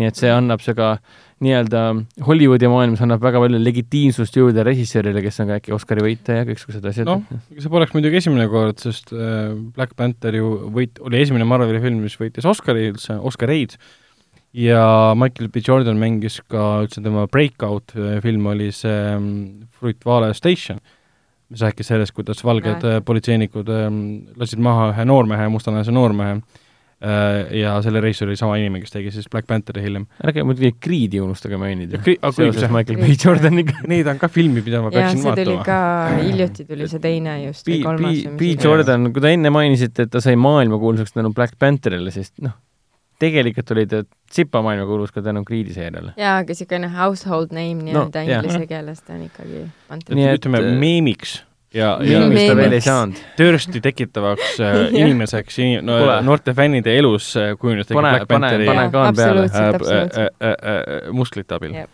aga nüüd räägime hoopis muiesjuttudest oo, lõpuks ometi. sest äh, hetkeseisuga linastub alates kolmekümne esimesest jaanuarist USA-s siis Eesti, Eesti reliist, vabandust, linastusaega me ei tea, kui kõik hästi läheb, siis see film linastub ka meil, millest ma muidugi räägin, selleks on ei miski muu kui Gretel and Hansel. Hansuke ja Greteke on eesti keeles. Eesti keeles on see Hansuke ja Greteke ja tegemist on niisuguse, kuidas nüüd öelda, põrgulikult äh, kriip-, vabandust, eesti, inglise sünge õudusfilmiga. põrgulikult sünge ja tumeda õu-, õudusfilmi versiooniga Hansukesest ja Gretekesest. huvitav, miks nad selle pealkirja on ära muutnud, sest muidu on Hansuke ja Greteke, siin on Greteke ja Hansuke võimalik, et see on täiesti, täiesti meelega just sellepärast, kuna ta on nagu uus, uus nägemus nii-öelda. peaosas on võib-olla on see Greteke on hoopis see... selles asi ongi, treileri vaatasin ära ja, ja peategelane ongi tegelikult Gretel ja keda kes... mängib tegelikult Sofia Lillis. Te küsite, kes, te äh, küsite, kes on Sofia Lillis? Sofia Lillis oli see tore tüdruk, kes on praegu vist seitseteistkümne aastane, kes mängis suurepäraselt esimeses Iti filmis ja kedagi muud kui Beverlyt. jah on täiesti crazy. Äh, ma olin, ma olen nii excited selle, selle, selle filmi, filmi suhtes, kuna treiler näeb lihtsalt niivõrd fantastiline välja, et ma tahaksin kohe seda näha juba. ja selle filmi reisijal on Oz Perkins, kes tegi nüüd äh, kaks tuhat viisteist niisuguse filmi nagu Blackout's Daughter. mida omal ajal kiideti. õudusfilm, mille peaosas on Emma Roberts mulle tundub, et Emma Roberts ainult õudukates õudusfilmides ja selles osalebki. talle vist toimib see karjumine, tal on nii suur suu ka, vaata siis wow, nagu on wow. nagu ja palju hambaid siin. väga visuaalne lihtsalt. palju no. hambaid, oota, kas sa tead mõnda naisnäitlejat, kellel on vähem hambaid? jaa, kindlasti. muidugi on, enamusel ei ole nii suurt mingi klahvi ees ju, klahvi kriitikese ja andukese kohta võib seda ka öelda, et äh, seda produtseerivad siis inimesed, kes äh, produtseerisid näiteks La La Landi ja Destroyeri ka. aa, Destroyer, nii hea. Nicole Kidmani film mm. -hmm mis on päris tore, kuigi see treiler ja kogu see, kogu see info selle filmi kohta meenutas mulle seda ähm, Hans ja Grete Witch Hunteri filmi Äh, äh, mitu aastat tagasi, see oli siis Gemma Arterton ja siis Jeremy Renner. Gemma. Äh, mängisid ma ei mäleta enam seda, ma tean, et oli, aga ma ei mäleta, kas ma üldse vaatasin seda. suureks kasvanud voh, voh, Hansukest ja Gretelkest, kes hakkasid siis üleloomulikke olendeid killima. ja mille lavastas ju, mis ta oli, Virkonen või? Tom,? Tommy Virkola. Virkola, kes, jaa, kes lavastas selle Dead Snow. Jah, need zombifilmid, zombifilm, kus, kus natsizombid tulid tagasi oma aaret püüdma, kus noored äh, leidsid kuskilt lumest mingeid haarde ja siis tulid zombid tagasi, kes olid natsid. et see oli äh,, see oli selline film. aga see film oli sellisest, kuidas nüüd öelda, niisugune pläust yeah,, mis oli tehtud samas vaimus, nagu mingil hetkel tuli mm -hmm. vaata mhm. see Abraham Lincoln äh, Vampire ja, Hunter ja mingi aa, žuš-žuš-žuš. jah, et võtame ajaloolised asjad, muudame ümber. tuntud asjad teeme siis nii-öelda teeme noortepäraseks. aga Ansukese Gretekese suhtes on väga loomulik, et see muudetud õudukaks. puhtalt sellepärast, et kui sa hakkad vaatama, kust need muinasjutud tegelikult mm -hmm. pärinesid, see ongi väga õudne ja jube see, ja sünge. Hansukese Gretese lugu seisneb ju selles, et tegelikult, et isa viis äh, mis seal oli, kasuema oli neil kodus, eks? ema oli vist surnud. isale lapsed metsa viia surema. Nad olid nii vaesed, et kasuema käskis äh, oma mehel oma lapsed metsa surema viia mm. no tegelikult nagu, mis muinasjutt meile nagu lapsest saadik on loetud, nagu mis toimub? see on õudne tegelikult jah, siin on veel tehtud, ma mäletan, Sigourney Weaveriga tehti kunagi äh, Lumivalkegi see film, mis oli ka õudukana tehtud. mis on ka tegelikult loomulik. Mm -hmm. no õudukas oli ka see Kristen Stewarti versioon ju. ja lausa kaks tükki, noh. lausa kaks tükki. see on nüüd nii halb. eriti õudne ah, ah, Hendrik, aga mis meil järgmine uudis on? uudis on minu jaoks vähemalt see, et äh, alles hiljuti tegelikult suri selline väga tuntud äh, fantaasiakirjanik nagu Ursula K. Le Guin, kes on eelkõige läinud äh, kirjandusajalukku sellise raamatuseeriaga nagu Earthsea äh,. ühest Earthsea raamatust on äh, teinud filmi ka ei keegi muu kui Hayao Miyazaki enda poeg mis küll kukkus äh, kriitiliselt natuke läbi, aga Miyazaki ise ütles, et äh, tubli töö, pojake mm. -hmm. kui sa, kui sa ei proovi, siis ei, ei saagi teada, äh, mis, mis käpa alt välja tuleb. aga nüüd tuleb välja, et hakatakse tegema teleseriaali Earthsi raamatute põhjal. see on siis mm. nagu mängufilm, live action? Live action teleseriaal mm., reaalselt. ja veider on ka see, et seda hakkab tootma A kakskümmend neli.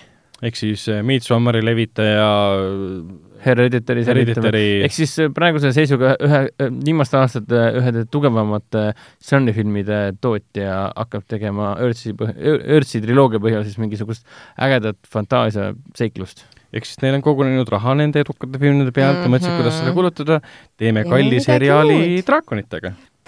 et ma ootan seda hetke, mil Blumhouse mingi hmm,, teeme sõnumit isandalaadse filmi aga draakonitega. aga, aga, aga kõik on ju väga loogiline ka, et vaata, omal ajal tuli sõnustisand ju välja ja kõik hakkasid tegema ette-taha mm, -hmm. kirjutama ette-taha uusi lugusid, mis on sõnustisandalikud ja mm -hmm. siis mhm. tegema filme ette-taha, mis on sõnustisandalikud, olgu see sellised erakonid ja mis iganes veel.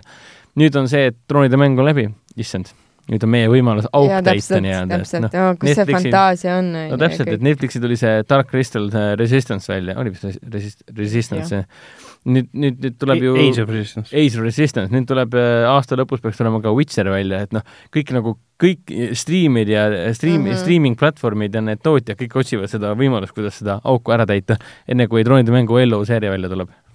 õigus jah, see on ka tulemas mis leiab aset sarnaselt äh, nagu Sõrmustisande seriaalile tuhanded, tuhanded, tuhanded aastad enne põhiseeria sündmuseid äh,. Mis on veel, äh, veel minu jaoks väga ülendav ja tore uudis on see, et HBO siis Watchmeni seriaal tuleb siis ametlikult välja kahekümnendal oktoobril. ehk siis tõenäoliselt Eestis me näeme seda siis Telia HBO rakenduse kaudu. miks on see seriaal huvitav, see on puhtalt sellepärast, et näha, mida nad selle materjali lõpuks peale hakkavad. sest me oleme ju, mina, mina olen vähemalt lugenud Alan Moore'i seda algupärast äh, Watchmeni siis ma nautisin räigelt Zack Snyderi filmi Watchmen, mida ma loen endiselt tema üheks kõige paremaks filmiks, mis ta kunagi teinud on mm., ja nüüd siis tuli Damon Lindelof, kes on pigem tuntud Losti ja siis uh, Leftoversi ja väga paljude teiste seriaalide poolest, kuigi ta kirjutas ka Prometheuse Ridley Scotti jaoks, otsustas, et me teeme siis seriaali, mis põhineb Alan Moore'i Watchmenil, aga ei põhine ka. sest nad mm. kasutavad samu tegelasi, aga jutustavad hoopis teistsuguseid lugusid. ehk siis ta on nagu visuaalselt näeb välja nagu järjelugu äh, Zack Snyderi Watchmenile yeah.. Aga samas nagu ei ole ka, sest nad võtavad oma vabaduse ja jutustavad seda lugu, mida nad tahavad, sest sellist asja nagu Watchmeni järge pole olemaski äh, on olemas eellugu, mis oli yeah. Beyond Before Watchmen, äh, mida Alan Moore vihkas, sest ta vihkab kõike, mis seostub temaga äh, ametlikult samas see ei ole nüüd sada protsenti kindel, kas ta kohe Eesti HBO-st kättesaadav on. kindlasti mitte, kindlasti mitte. aga, aga no mina võtan tõenäoliselt kätte ja lähen ja helistan ja uurin ja uurin järgi kohe, kas on võimalik näha või mitte. ma usun, et sügishooaega mahub ta, mahub ta siiski.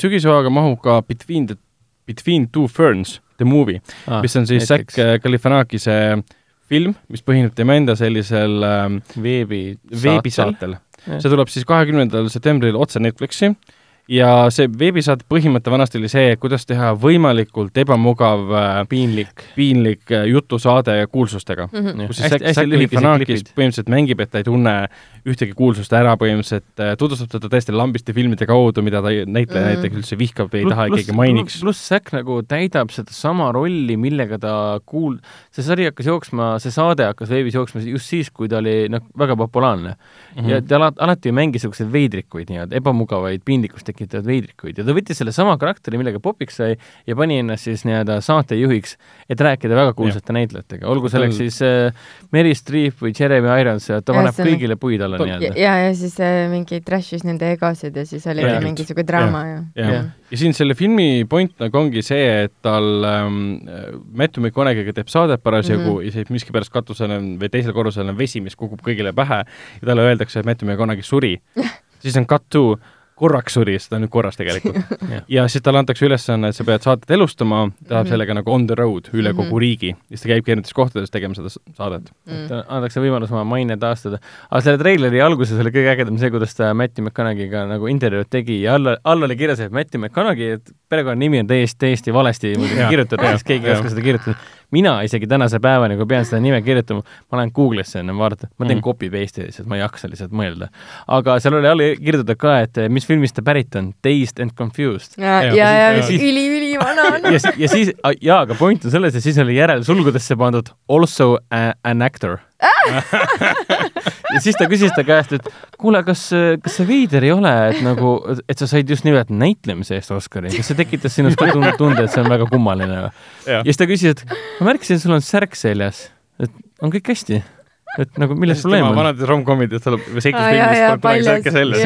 McConaughey mingi, jälle hakkab pihta tal seal veebisaates käisid ka mingi Cardi B läbi ja mingi mm -hmm. siuksed äh, popstaarid põhimõtteliselt mm -hmm. ka ja nendega käitus täpselt samamoodi mm. -hmm. et ta ei teestlegi, et ta teestleb, et, et -hmm. või noh, ta teeb sihilikud karakterid, kes vihkab neid kuulsaid inimesi. ja selle asja nimi oli siis Between two ferns mm. -hmm. ja ferns on siis mingisugune taim nagu okay., mille vahel äh, see saade toimub sul on kaks taime ja nende vahel on siis inimesed, kes suhtlevad Between two ferns. aga huumoriga ka jätkame, sellepärast et eh, kõigi Taika Waititi fännide rõõmuks mina, mina olen ehk siis Thor Ragnarok uh,, Hunt for the Wilder People ja tema What kõige, kõige, vot täpselt mm. ja sellenimeline seriaal ja tulevane Thor Blood and Thunder, ei mitte Blood and Thunder, Love and Thunder.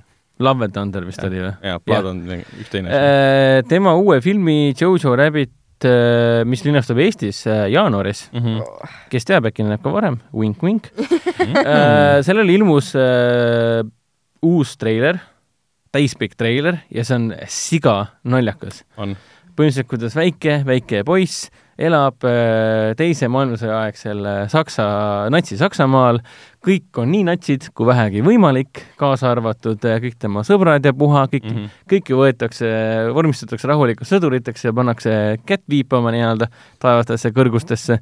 ja, ja, ja muidugi, kuida-, kuidas üks väike lapsukene noh, nii-öelda tõlgendab kõike seda, mida ta näeb, loomulikult ta kujutab ette, et tema parimaks nähtamatuks sõbraks on, on ei miski muu kui väga, väga totter Adolf Hitler, keda mäng... mängib äh, režissöör ise, ehk siis Taika. Uus-Meremaalt pärit Taika Waititi mängib Hitlerit. ja, ja see, ja treiler andis mõista, et sellest saab tulema üks, äh, ta nüüd tegelikult lähikuudel juba USA-s linastub mm., äh, ka ühel filmifestivalil, TIFFil vist oli mm.. seda reklaamitakse praegu kui, mis see on, see anti-hate movie. oo, väga äge. see on päris tore lahendus ja ma usun, et see kindlasti vihkamisvastane satiir on selle nimi. kindlasti väga paljusid see, kuidas nüüd öelda, paljud äh... solvav või kuidagi, kuidagi, kuidagi ähm, tülgastab, et miks sellisel teemal mm., miks teha Hitleri üle nalja. ja, ja võtke mingi muu teema, eks ole. et kindlasti hakkab palju teemat tulema ka Eestis, kui see lõpuks välja tuleb. Mm.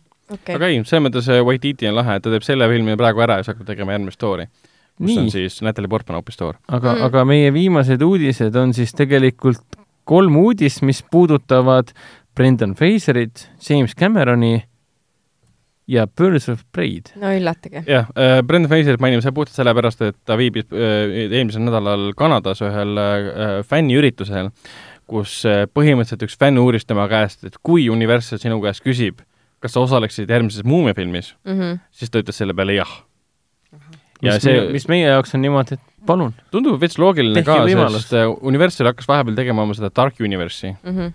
lasid välja siis Tom Cruise'i Muumia filmi, mis kukkus no, rämeda, mm -hmm. rämeda kolinaga läbi. pluss neil oli plaanis veel mingi viis filmi nähtamatust mehest, keda pidi mängima Johnny Depp ja Javier Bardem pidi seal mängima mingit äh, huntmeest ja nii edasi mm. kõik see kukkus läbi ja nüüd neil on tegelikult see, see Muumia karakter on nagu vaba et Universal okay. võiks ju Steven Sommersi, kes lavastas esimesed kaks filmi, kutsuda taas äh, platsi ja lavastada selle neljanda filmi koos Brendan Fraseriga, sest need esimesed kaks olid vähemalt väga head mm.. Äh, täitsid oma eesmärgi äh,. Tom Cruise'i muumia kohta sedasama öelda kindlasti ei saa äh,. Järgedest rääkides siis äh, James Cameron jah äh,, üldiselt ühes äh,, kas selle deadline'il antud äh, intervjuus äh, kordas üle sellesama asja, mis nad kaks aastat tagasi rääkisid, et see uus äh,, uus Terminaatori film, mis tuleb siis mm nüüd novembris, Terminaator Sünge saatus, mis on siis seeria kuues osa, aga käitub nagu kolmas äh,, kuna Cameron otsustas, et kolmas, neljas, viies äh, on mõttetud mm, -hmm. tema neid ei teinud yeah., ma ei loe neid. ütles jah, et see paneb aluse siis nüüd uuele triloogiale okay.. Äh, kuigi käis läbi see, et ta ütles, et kui see teenib piisavalt raha. et äh, triloogia, millele tuleb triloogia otsa siis või äh,? Jaa okei okay. uh,, ma arvan, et täpselt see ongi minu maailmas puudu, ma ootan seda väga um,. kas te seda teadsite, et uh, Linda Hamilton siis, kes mängis uh, Terminaatoris peaosalist ja siis uh, James Cameron olid abielus või? oli ta? seda ma ei teadnud. ja just, just sellepärast, et mingi James Cameron oli abiellunud hullult sillas nagu sellest Linda Hamiltoni karakterist, keda ta mängib seal Terminaatoris, siis kui nad abiellusid, siis selgus, et naine ei ole ikka päris see, keda ta Aa, mängib. noor James Cameron arvas, et ta abiellus Sarah Connoriga või? jah, ja siis oh. mingi oh, peil nagu. see on see, kui sa oled liiga armunud, liiga armunud omaenda kirjutatud karakteritesse. ja, ja väga haige noh aa, ju siis nad on nagu nüüd probleemidest nagu üle saanud, äh, okei okay,, lahutus aitab seal no mingi kolmkümmend aastat on möödas ka, nii et ma arvan, et noh. Nad suudavad ühes ruumis olla ja teevad uuesti nüüd filmi, et ja. Äh, see uues filmis on ka ja Linda Hamilton ikka tähtsal kohal. ta on lausa, ta on lausa ju põhimõtteliselt peaosas ja ta näeb mm -hmm. nii hea välja. Mm.. väga badass. ta on, ta on nii paha pepu nii-öelda, noh, badass ehk siis noh. Ma ei saa seda teist, teist sõna ma ei saa öelda aga ta näeb nii hea välja, täpselt niisugune tunne, et temaga läheks küll seiklema, kohe praegu lihtsalt. aga mis see nagu meie jaoks tähendab seda, et noh, esimene Terminaatori film tegelikult lõppes umbes niimoodi, et sa ei oota teist osa. Mm.. teine lõppes sellega, sa ei oota teist osa. Mm.. nüüd kolmas lõpeb, me teame, see uus kolmas siis, äh, me teame, et see peab lõppema sellega, et tuleb järgmine osa mm., sest me juba teame ette, et, et, et kaks filmi tuleb veel. et meil on üks triloogia veel. jah äh,, vaatame, see, selle filmi suhtes mul väga palju lootust ei ole, sellepärast et mul on suured reservatsioonid sellega viimane treiler oli selline eh, ei olnud väga palju, ei sisendanud sellist, et see on nüüd see film, mida mm -hmm, ma ootan mm, -hmm. et ma mhm. tahan näha. maailma parim asi. aga mis mind okay. veits nagu häiris, oli see, et Cameron ütles, et äh, vaatame, kui palju see film tagasi teenib. jah, ehk isegi, siis puhas isi... business plaan, siin ei ole kunsti, karakteritega, mingite niisuguste asjadega midagi pistmist. no emba-kumba, et siin on lihtsalt kummaline see, et arvestades, et ta on üks maailma kõige edukamaid režissööre, kelle filmid mm -hmm. meeletult palju teeninud, isegi tema peab ütlema seda, et kui mm -hmm. film ei teeni, siis pole niimoodi, et me viskame dollareid peale ja teeme ikkagi valmis. et ta, noh, stuudio peab ikka nõusoleku andma ja nii edasi, kui ka õigused kuuluvad talle ja nii edasi, aga ikkagi, lõpuks mm -hmm. tema otsib ka kasumit mis me veel räägime, räägime Birds of Prey'st, mis on siis, seda võib võtta kui suitsiidisalga järjena mm., uh, aga ta otseselt seda pole. see siis räägib Margaret Robbie kehastatud uh, issand jumal. Harley Quinn. täpselt, Harley Quinni karakterist, see on siis tema täispikk film. Äh, see on äh, esimene õrritaja, diiser, on siis vahepeal lekkis juba internetti venekeelsena mm., tegelikult oli Ukrainas kuskilt lekkinud, ja nüüd see on ametlikult, äh, liikus vahepeal internetis ringi uh,, mitte, mitte päris ametlikult siis, aga nüüd selgus, et see on ainult siis äh, USA kinodes ja ka Eesti kinodes näeb seda siis kinos ainult. mis on huvitav, see jätkab sama stiili, mis puudutab siis Christopher Nolani Tenetit, mille treilerit näeb ka ainult kinodes mm. endiselt. no ajastus on ju väga õige, et ta ju kuulub samas issand, vabandust. ta kuulub ju põhimõtteliselt samasse universumisse nagu oktoobri alguses äh, esilinastuv Jokeri film mm. -hmm. nii et äh, Harley Quinn Jokker, Nathan Baar ja nii edasi, ei tea. ei, ma nägin seda kuskilt. ma jään ootama, millal tuleb siis see, kuidas Jacqueline Phoenix koos Margo Robbiga ringi tõmbab see on, see oleks nii veider. seda ei juhtu niikuinii, see on lihtsalt minu enda et, äh, nali. soovunelm, jah. selles mõttes, kuidas sa selgitad seda nagu narratiivselt? ei no, no pigem, pigem nad toovad no... selle noore poisi tagasi. ühes filmis oli Jared Leto ja siis nüüd järgmises filmis on Joaquin Phoenix. Neid ei huvita enam see, asjad ei peagi klappima, lihtsalt nagu kõigil on oma versioon ja nii ongi. ja filmi nimi on tegelikult hoopis midagi muud, see on Birds of, Birds of Prey and the Fanta Fantabulous Emancipation of One uh, Harley Quinn mm. -hmm. no see on muidugi nali, et see päris niisuguseks pealkirjaks tõenäoliselt yeah. ei jää. aga see Harley Quinni film on põhimõtteliselt jah, nagu kambafilm, kuna see Birds of Prey on tegelikult komiksites pärit äh, nagu grupeeringu nimi, ehk siis naisantagonistid äh,, naispahatikud äh, hakkavad seal midagi tegelema. et vaatame, mis see film endast välja, välja, mis, mis sellest välja tuleb äh,. millal see nüüd üldse meile kinodesse tuleb? Äh, peaks tulema järgmisel aastal, need kõik klapivad ajaliselt ju, kaks tuhat kakskümmend üks tuleb see Robert Pattinsoni Batman ja nüüd tuleb, vahepeal tuleb siis see Birds of Prey välja, ehk siis ikkagi need filmid kõik tulevad korraga välja ja siis lõpus selgub, et Joaquin Phoenix on ikkagi, võitleb kuskil Robert Pattinsoniga vastu mm. -hmm. aga täitsa veebruaris tegelikult ju. oh sa kurat. veebruar, veebruar on juba homme. mis värk on siin maailmas? Uh, aga subsiidisalg, äh, mis eelnes siis Birds of Prey'le, äh, selle tuleb ka järg, mida teeb James Gunn, hiljuti liitus selle filmiga siis Peter Capaldi, keda me teame The Dick of It seriaalis või siis sellest ähm, Indie Loopist. Indie Loopi filmist näiteks Ropusuise kõige, kõige kaunima, kaunim ropusuuga mees üldse maailmas uh,. subsiidisalg endiselt on James Gunni lavastatud ja seetõttu ma usun, et sellest tuleb mingi lahe asi ka. ja, ja ka sellepärast, et üheks tegelaseks on kinnitatud mingi haimees, Sharkman noh, kes näebki välja nagu kõndiv hai. see on, see on, minu jaoks on see, et nagu that's it, nagu see on aasta parim film mm.. selge äh,. lisaks räägime ühest komiksifilmist veel, mille nimi on siis New Mutants, mis on olnud mingi sada aastat juba töös äh,. juba ammu enne töös, kui Disney ostis Foxi ära äh,. seda on nüüd mitu korda, kolm-neli korda edasi lükatud, ümber lõigatud, ümber filmitud ja see pidi olema nagu õudusfilmi variant X-meestest, et kus sul on äh, noored mutandid, hoitakse siis hullumajas kinni mm. ja nüüd siis äh, Disney sai muidugi Foxi enda kätte, lõpuks otsustavad filmi välja anda ka, ja põhimõtteliselt levib kuulujutud, et see X-me-, see uued mutandid ei seostu absoluutselt mitte ühekski X-meeste filmiga, et lõikavad mm. selle lihtsalt selle eos nagu välja kogu sellest asjast ja mm. teevadki eraldiseisva õudusfilmi mutantidest äh, see on lihtsalt väga huvitav saaga, kui hakata lõpuks neid järjekordi nagu ette võtma timeline'i, et mis selle filmiga toimunud ei, ma ei tee seda. et noh, selles mõttes seal oli see troonide mängu äh, Arjav näitleja põhimõtteliselt on seal Jaa, seal on see poiss, kes selles American Horror Stories mängis ähm, Emans või? Evans. Chris Evans, ei, appi. Evan Peters. jah, jah, niipidi, appi. et see on, selles mõttes ta on juba nii vananenud film ja kus lõpuks välja tuleb, need inim-, näitlejad on omandanud hoopis mm -hmm. teise tähenduse vahepeal yeah. Hollywoodis Äh, aga räägime äh, viimase uudisena siis äh, net-, räägime ühe, ühest treilerist veel. Black Christmasi treiler tuli välja. Black Christmas on teine uus versioon seitsmekümne neljanda aasta fi-, samanimelisest filmist, mida loetakse nüüd äh, nii-öelda maailma esimeseks korralikuks slasher-filmiks. ja nüüd Blumhouse, kes muidugi on näiteks Get Out'i taga ja siis äh, Assi taga Äh, nemad annavad välja sellest siis kaheteistkümnendal detsembril Eestis äh, kinodes linastub see Mustad jõulud nime all äh, siis teise remake'i, et kaks tuhat kuus juba üks remake tehti. Teilet vaatasin, tundus, et miks, kui sa teed seitsmekümne neljanda aasta filmist uusversiooni, mis on täpselt samasugune, siis see ei kanna enam, sest vahepeal on lihtsalt ju paratamatult slasherid kui žanr väga-väga-väga mm -hmm. väga, väga palju arenenud. ma ei ole, ma ei ole filmi näinud, sa oled ju filmi näinud, eks? Esialgset filmi. mõlemat. praegu vaatan, et üks äh, veebisait ütleb, et Black Christmas gets a feminist remake. aa, ah, ma ei kas seal olid peategelases siis mitte naised või? oli, ma küll mäletan, et seal Killer oli mees ja ülejäänud olid naised? jah. Spoilisid ära praegu või? Aa, ma ei, ma ei, ma ei öelnud kelle mees. aga see, see, see, mis ma praegu ütlesin, tuletab lihtsalt meelde seda, et nagu kas oli tõesti hea mõte Black Christmasis uus versioon teha või? näed. nagu, nagu Kelle keegi ei mäleta seda filmi enam ju. ei ei minu arust seal olid mingi hunnik lapsi. see on lihtsalt, äge pealkiri, sellepärast teemegi, et jah, ja selles mõttes, et see, et ta oli maailma esimene slasher, ei tähenda seda, et see nüüd mingi hea film oleks mm.. see on niisugune ok film. sa vaatad ära, mõtled, okei okay,, see on näha jah, et nad teevad esimesi nagu sipupükstesse, kus siis samme põhimõtteliselt selle žanri arengu suunas uh,. Nii, Hendrik, kas sa tahad midagi veel mainida meile seoses Netflixiga? ei, pigem, pigem mitte. no selge. minu elu on ilus. väga rõõm kuulda, aga siis lähme edasi Olga. nädalavahetuse vaadatamata filmide juurde, see on siis ajavahemikul kolmkümmend august kuni esimene september. esimesel kohal oli siis muidugi Angry Birds kaks, teisel kohal Pulmaöö peitusemäng mm -hmm. ja mhm. kolmandal kohal Ükskord Hollywoodis, mis on juba meil siis kolmandat nädalat kinos olnud. See on tore, see näitab seda, et hinnatakse, hinnatakse endiselt ähm, nagu Hollywoodi autorirežissööre mm, -hmm. hinnatakse lahedaid õudusfilme ja lapsed käivad kinos animatsioone vaatamas.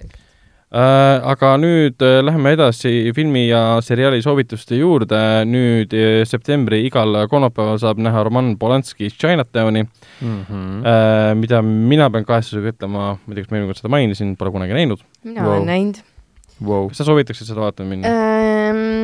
Mingipärast ma, ma seda uuesti vaatama küll ei viitsi minna, et ma vaatasin seda suhteliselt hiljuti ja mina lähen kindlasti kinno uuesti vaatama. no tore, aga tegelikult, mis mulle meelde tuli ähm,, seal on, seal on paar jõhkrat teemat sees mm, -hmm. äh, mille pärast tõenäoliselt äh, ta ka populaarne on äh, või noh, selles suhtes nii-öelda äh, sellel ajal tehtud, kui filmid käsitlesid väga sügavaid ja, ja raskeid teemasid aga just hiljuti ma vaatan ühte, ühte naljakat komöödiat ja ühte sarja ja siis ähm, seal oli, seal on hästi palju referentse ähm, igasugustele vanadele filmidele ja mm -hmm. igasugustele teemadele ja kusjuures kõige haigem on see, et ma olen äh, reaalselt sadu korda seda ühte sarja vaadanud otsast lõpuni, ma ei mäleta isegi, palju neid hooaegu seal oli. oota, mis seriaalist me räägime? ma ei ütle see on naljakas igatahes.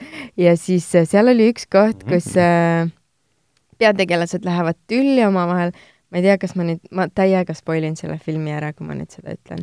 see on vana film, seda võib teha. et äh, seal on nagu üks koht, kus siis äh, me, ei me, mehel on mingi probleem, ta sööb mingeid asju et noh, et tal on närvid läbi ja siis ta sööb mingi rahusteid mm -hmm. ja mhm. siis keegi teine nagu ütleb talle, et nagu snap out of it ja siis oli mingi sihuke teema, et, et sa oled mu tütar, ei, sa oled mu õde, ei, sa oled mu tütar, ei, sa oled mu õde ja siis äh,, ja siis, et äh, äh ühesõnaga siis ülipikalt läks aega, enne kui ma sain aru, et see on nagu referents sellele Polanski filmile.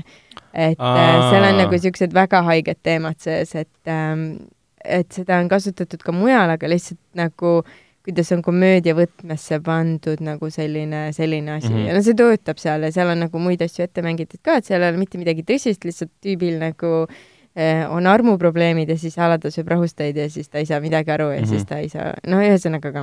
ikkagi mõjukas film tundub olevat ja, ja, tuleb ikka ära vaadata. see oli siis, kui... on, ta on ülipikk. Jah, seda küll. noh, milline Polanski film? kaks tundi. milline Polanski, milline Polanski film ei ole pikk muidugi. eks ole. et äh, ma ei tea, ta, ja ta on nagu ägeda, ägeda vibe'iga on ja, ja ta on ja niisugune mm, seal on järg ka jaa, aga sa teadsid, et sellel on järg või? Et üheksakümnendal aastal lavastas äh, Jack Nicholson äh, ametliku järje Chinatownile või? tegelikult ma kunagi mäletasin seda, ma arvan, aga kuna see on nii idiootne informatsioon, siis see lihtsalt kadus minu ajust ära. see, see kukkus kinodes küll läbi ja selle vastu olid kriitikud palju lahjemad kui esimese osa vastu, no esimene on ikka kultusklassika mm, -hmm. aga ometigi seda kiidetakse ja teise osa nimi on The Two Jakes ahah, see peategelane oli Jake vist. jah, ja see on see, mis ta oli, J.J. Kites või mis ta nimi oli seal? väga paljud algupärased näitlejad on ka tagasi. J.J. J, J.J. J. Kites mm. ja, ja tegelikult kogu point on selles, et see filmi, esimese filmi stsenarist äh, Robert Toon mm -hmm. äh, pärast teist osa ta nägigi oma mõjusilmas, et me teeme triloogia, me teeme J.J. Kitesi triloogia lihtsalt ah., detektiivi triloogia, Chinatown, The Two Jakes ja kolmanda osa pealkiri pidi olema ma ei tea, kas see hääldus on nüüd õige, nagu no, Kit, Kites versus Kites ehk siis peategelase perekonnanimi. Ah.. aga kuna teine osa oli läbikukkumine äh, majanduslikus mõttes, siis seda kolmandat osa kunagi ei tulnud. Mm.. noh, see on umbes aga... sama, sama lahe info, et äh, kaks tuhat üks Kosmose Odüsseia sai ka järje tegelikult. Jah, mille see lavastas oli..., mille lavastas Peter Himes, kes omakorda on lavastanud Arnold Schwarzeneggeriga jumala ägeda üheksakümne üheksanda aasta filmi End of Days ehk no. siis nagu what the hell, mis connection'id siin on praegu? see, selles mõttes see pole, see pole järg Kubriku filmile, see on mm. järg äh, Artur C. Clarke'i raamatule, mille Kubriku film põhines. aga kuna sa tegid sellele järje, siis sind ikka vaadata mm -hmm. seda, et sa oled see tüüp, kes tegi Kubriku filmile järje, mis ei olnud hea. jah vot, aga igatahes Chinatowni saab näha, kes pole seda varem näinud ja kes saab üldse uuesti vaadata nüüd äh, igal septembrikuu äh, äh, kolmapäeval vot, ja kinodes sel nädalal äh, alustavad siis üks nendest filmidest, millest me juba rääkisime, on see teine peatükk. Äh, nüüd kuuendast kuni kolmeteistkümnenda septembrini jookseb ka Apollo üksteist, millest me ka eelmisest nüüd kahekümne viiendast saates rääkisime. Äh, lisaks tuleb ka Kohtunik muidugi, millest me ka rääkisime ja tuleb veel siis ka Richard Linklateri uus film Kuhu sa küll kadusid, Bernadette ja kindlasti jõuab siis veel ka Odessa ja siis mis ühe... Odessa on andeka vene lavastaja Valeri Todorovski värske linnateos. täpselt ja üheksandal septembril saab näha ka Rushi kontsertfilmi äh, Cinema Strangiato. mis sa selle kohta täpsemalt oskaksid öelda? see on äh, põhimõtteliselt kaks ja pool tundi kestev äh, üliäge kontsertfilm, dokumentaal, kontsertfilm mm, -hmm. nagu nad ikka on tegelikult. Rush on ikkagi legendaarne, suur, äh, juba praeguseks ajaks oma tegevuse lõpetanud äh, noh, klassikaline rock, heavy metal ja, ja esmakordselt me nüüd me saame, see on nagu fänniüritus lausa, kus siis mm. äh, legendaarse Russi ülemaailmne fänniüritus võimaldab publikul heita pilgu äh, Russi tuuri R40 laivi ja nagu parimatele paladele ja samas saab näha ka äh, eksklusiivseid intervjuusid äh, bändi enda liikmetega mm. -hmm. ehk siis äh, fännidele täiesti kohustuslik üritus tore, et ikka selliseid sündmusi teete, ma mäletan siiamaani, kui ma käisin vaatamas seda, see on muidugi otseselt film, see oli lihtsalt kontsert äh,. Slipknoti oma, siis Rammstein. oli Rammstein. mina käisin äh, Pearl Jam vist oli või? Pearl Jam, jah. ja siis ja. oli Hans Zimmer oli ka see Praha. jaa, see oli ka. jaa, aga meil tegelikult siin see on üsna rokkiv sügis, kui nüüd öelda, et Rushiga, Rushiga me tegelikult alustame ja Pink Floydi Roger Watersiga jätkame teisel oktoobril juba mm. -hmm. ja muidugi ei miski muu kui Metallica tuleb tagasi kinno. õigus, jah wow., ja, ja, ja. mis Metallic..., äh, mis aastast? see ongi nüüd, see võtab, see on täiesti uus asi tegelikult. see ei ole ju see, mis äh, Tartus oli? ei, ei, ei, seda mitte. Nad, äh, see on see San Francisco Symphony ehk siis SN, SNM kaks mm -hmm. nii-öelda. mis nad varem on ka teinud? jaa, nad on varem ka seda teinud yeah ja nüüd nad siis toovad selle kinoekraanidele, sest noh, kõik ei saanud minna kuskile San Franciscosse nii-öelda ja soovitan piletid ära osta, sest äh, ruumi hakkab äh, Coca-Cola Plaza suurimas saalis üheksandal oktoobril, ei, jah, oktoobril õige väheks jääma mm juba. ja, ja, sest noh no, no, saal on põhimõtteliselt välja müüdud peaaegu juba. Tallika fänne meil jagub ja, ja siin ruumis on ka neid palju. no Tartus oli üle kuuekümne tuhande mm. inimese mm. ju seal käis kuulamas neid. ja, jah, palju õnne neile koristajatele, kes pärast seal paberinussakaid ja konisid üles korjasid. Vot, aga lähme edasi Netflixi soovituste juurde, jätkuvalt soovitame vaadata väga lahedat äh, nukuanimatsiooni äh, äh, nagu sünge sõrmuste isand või noh, süngem kui sõrmuste isand, siis pigem, mille nimi on The Dark Crystal Age of Resistance. ma pole ikka veel jõudnud seda vaadata. ma ka mitte. mina ka mitte, aga see on mul kogu aeg nagu my listis olemas esimene, et ma soovitan jätkuvalt seda. Netflixi lahti teen, siis ma alati vaatan, ah kurat, nii mm.. Äh, lisaks, lisaks soovitame kindlasti Mindhunterit vaadata, värskelt tuli Netflixi selline dokumentaalseeria äh, Hip Hop Evolution mm., mida ma hakkasin veits vaatama, et kui veits huvitab, kust hip-hop alguse sai, mis linnast, mis inimeste kaudu, siis seal on see info olemas. kas see oli Chicago või? äh,? ma ei tea okay.. ma vaatasin algust veits, nii et ma, ma isiklikult ei tea seda, kus hip-hop alguse sai. väga mitte. kui vaatajad tead, teate, siis te võite meile kirjutada, sest me ju vahepeal Vikipeediasse ei vaata ega ainult vahepeal ainult loeme teie kirju. Tuletan meelde, et te võite alati, alati meile kirjutada ka, äh, mis oli jututuba, et kinoveeb.ee Uh, lisaks nüüd Glow, millest me rääkisime natukene enne saate alguse poole, kolmas hooaeg on olemas Netflixis juba praegu. Äh, kümnendal äh, septembril tuleb äh, ka Bill Burri stand-up, mille nimi on siis Paper Tiger, Bill Burr on legendaarne väga-väga-väga-väga hea stand-up komöö-, komöödik. koomik. koomik. või komöödik meie keeles. komöödik. nagu komeedikomm. komöödik, komöödikukomm. lisaks tuleb siis kuuendal septembril nüüd, see on siis juba homme, pärast salvestamise päeval äh,, salvestuse ilmumise päeval tuleb äh, Spy, kus siis äh, Sasha Baron Cohen mängib äh, spiooni, see on spioonipõnevik no, äh,. ehk siis näitleja, keda me oleme harjunud pigem nägema, siis siin on see Borati või siis Diktaatori või siis äh, Ali G või siis äh, Bruno või siis, ma isegi ei mäleta, mis ta rohkem oli äh,, nendes äh, absurdsetes komöödiarollides äh,. Telia HBO-s soovitame ilmselt vaadata Tšernobõlit Eufooriat, seal hiljuti hakkas jooksma ka Pallurit, ehk siis Ballers uus äh,, uus hooaeg, mis on siis Dwayne Johnsoni seriaal äh,. Amazon Prime videos soovitan vaadata muidugi The Boys'i, Carnival Road, mida kriitikud räigelt vihkavad, aga kõik, kõik inimesed vaatavad mm. ja teine hooaeg on ära kinnitatud juba aga ma saan aru, miks, sest noh. Nad ei vihka päris ju tegelikult. sest noh, Cara Devi, Devenin, Deleviin, Deleviin ja Orlando Bloom, sest noh äh,, Tõrvtisand ja Karibiani piraadid. ja soovitan vaadata muidugi ka siis Tom Clancy Jack Ryani seriaali, sest selle teine hooaeg tuleb sel aastal juba välja. kusjuures ma vaatasin see lõpuks selle Carnival Row treilerit esimest korda, see näeb no. nii äge välja. ta näeb jaa. Ja.. tõesti crazy, jumala huvitav teema ka igatahes, nii, palun jätka. ja lisaks jookseb endiselt seal The Man in High Castle, mis on see alternatiivajalooline seriaal, kus natsid võitsid teise maailmasõja ja on vallutanud USA mm. -hmm. koos, koos jaapanlastega.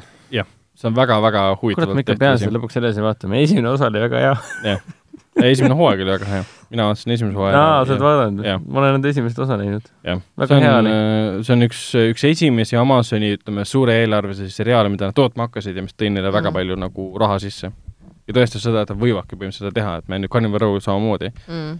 et kriitikutele võib-olla ei meeldi, aga rahvas vaatab. ja lisaks on endiselt olemas Fokte muidugi Good Omens ja Suspiria ma panin ka siia kirja, sest mul on kõik muidu seriaalid äh,, ehk siis ähm, Luca Guadagnino. Luca Guadagnino äh,. see, kes tõi meieni armastusväärse filmi nimega Call me by your name, lavastas siis äh, kutsu mind oma nimega. Dario Argento äh, Suspiria uus versiooni. ja mina kutsun äh, sind oma nimega. hakkab peale aga sellega saigi meie saade ja meie, meie teemad ja sisu läbi. et kas me kutsume saate saateks? jep. minu meelest on see saade küll, jah. no vot, aga siis äh, näeme järgmisel, järgmisel korral, äh, see on siis meie siis järgmine kord on see kahekümne seitsmes saade, uued filmid, uued seriaalid, uus nädal. tšau. tšau.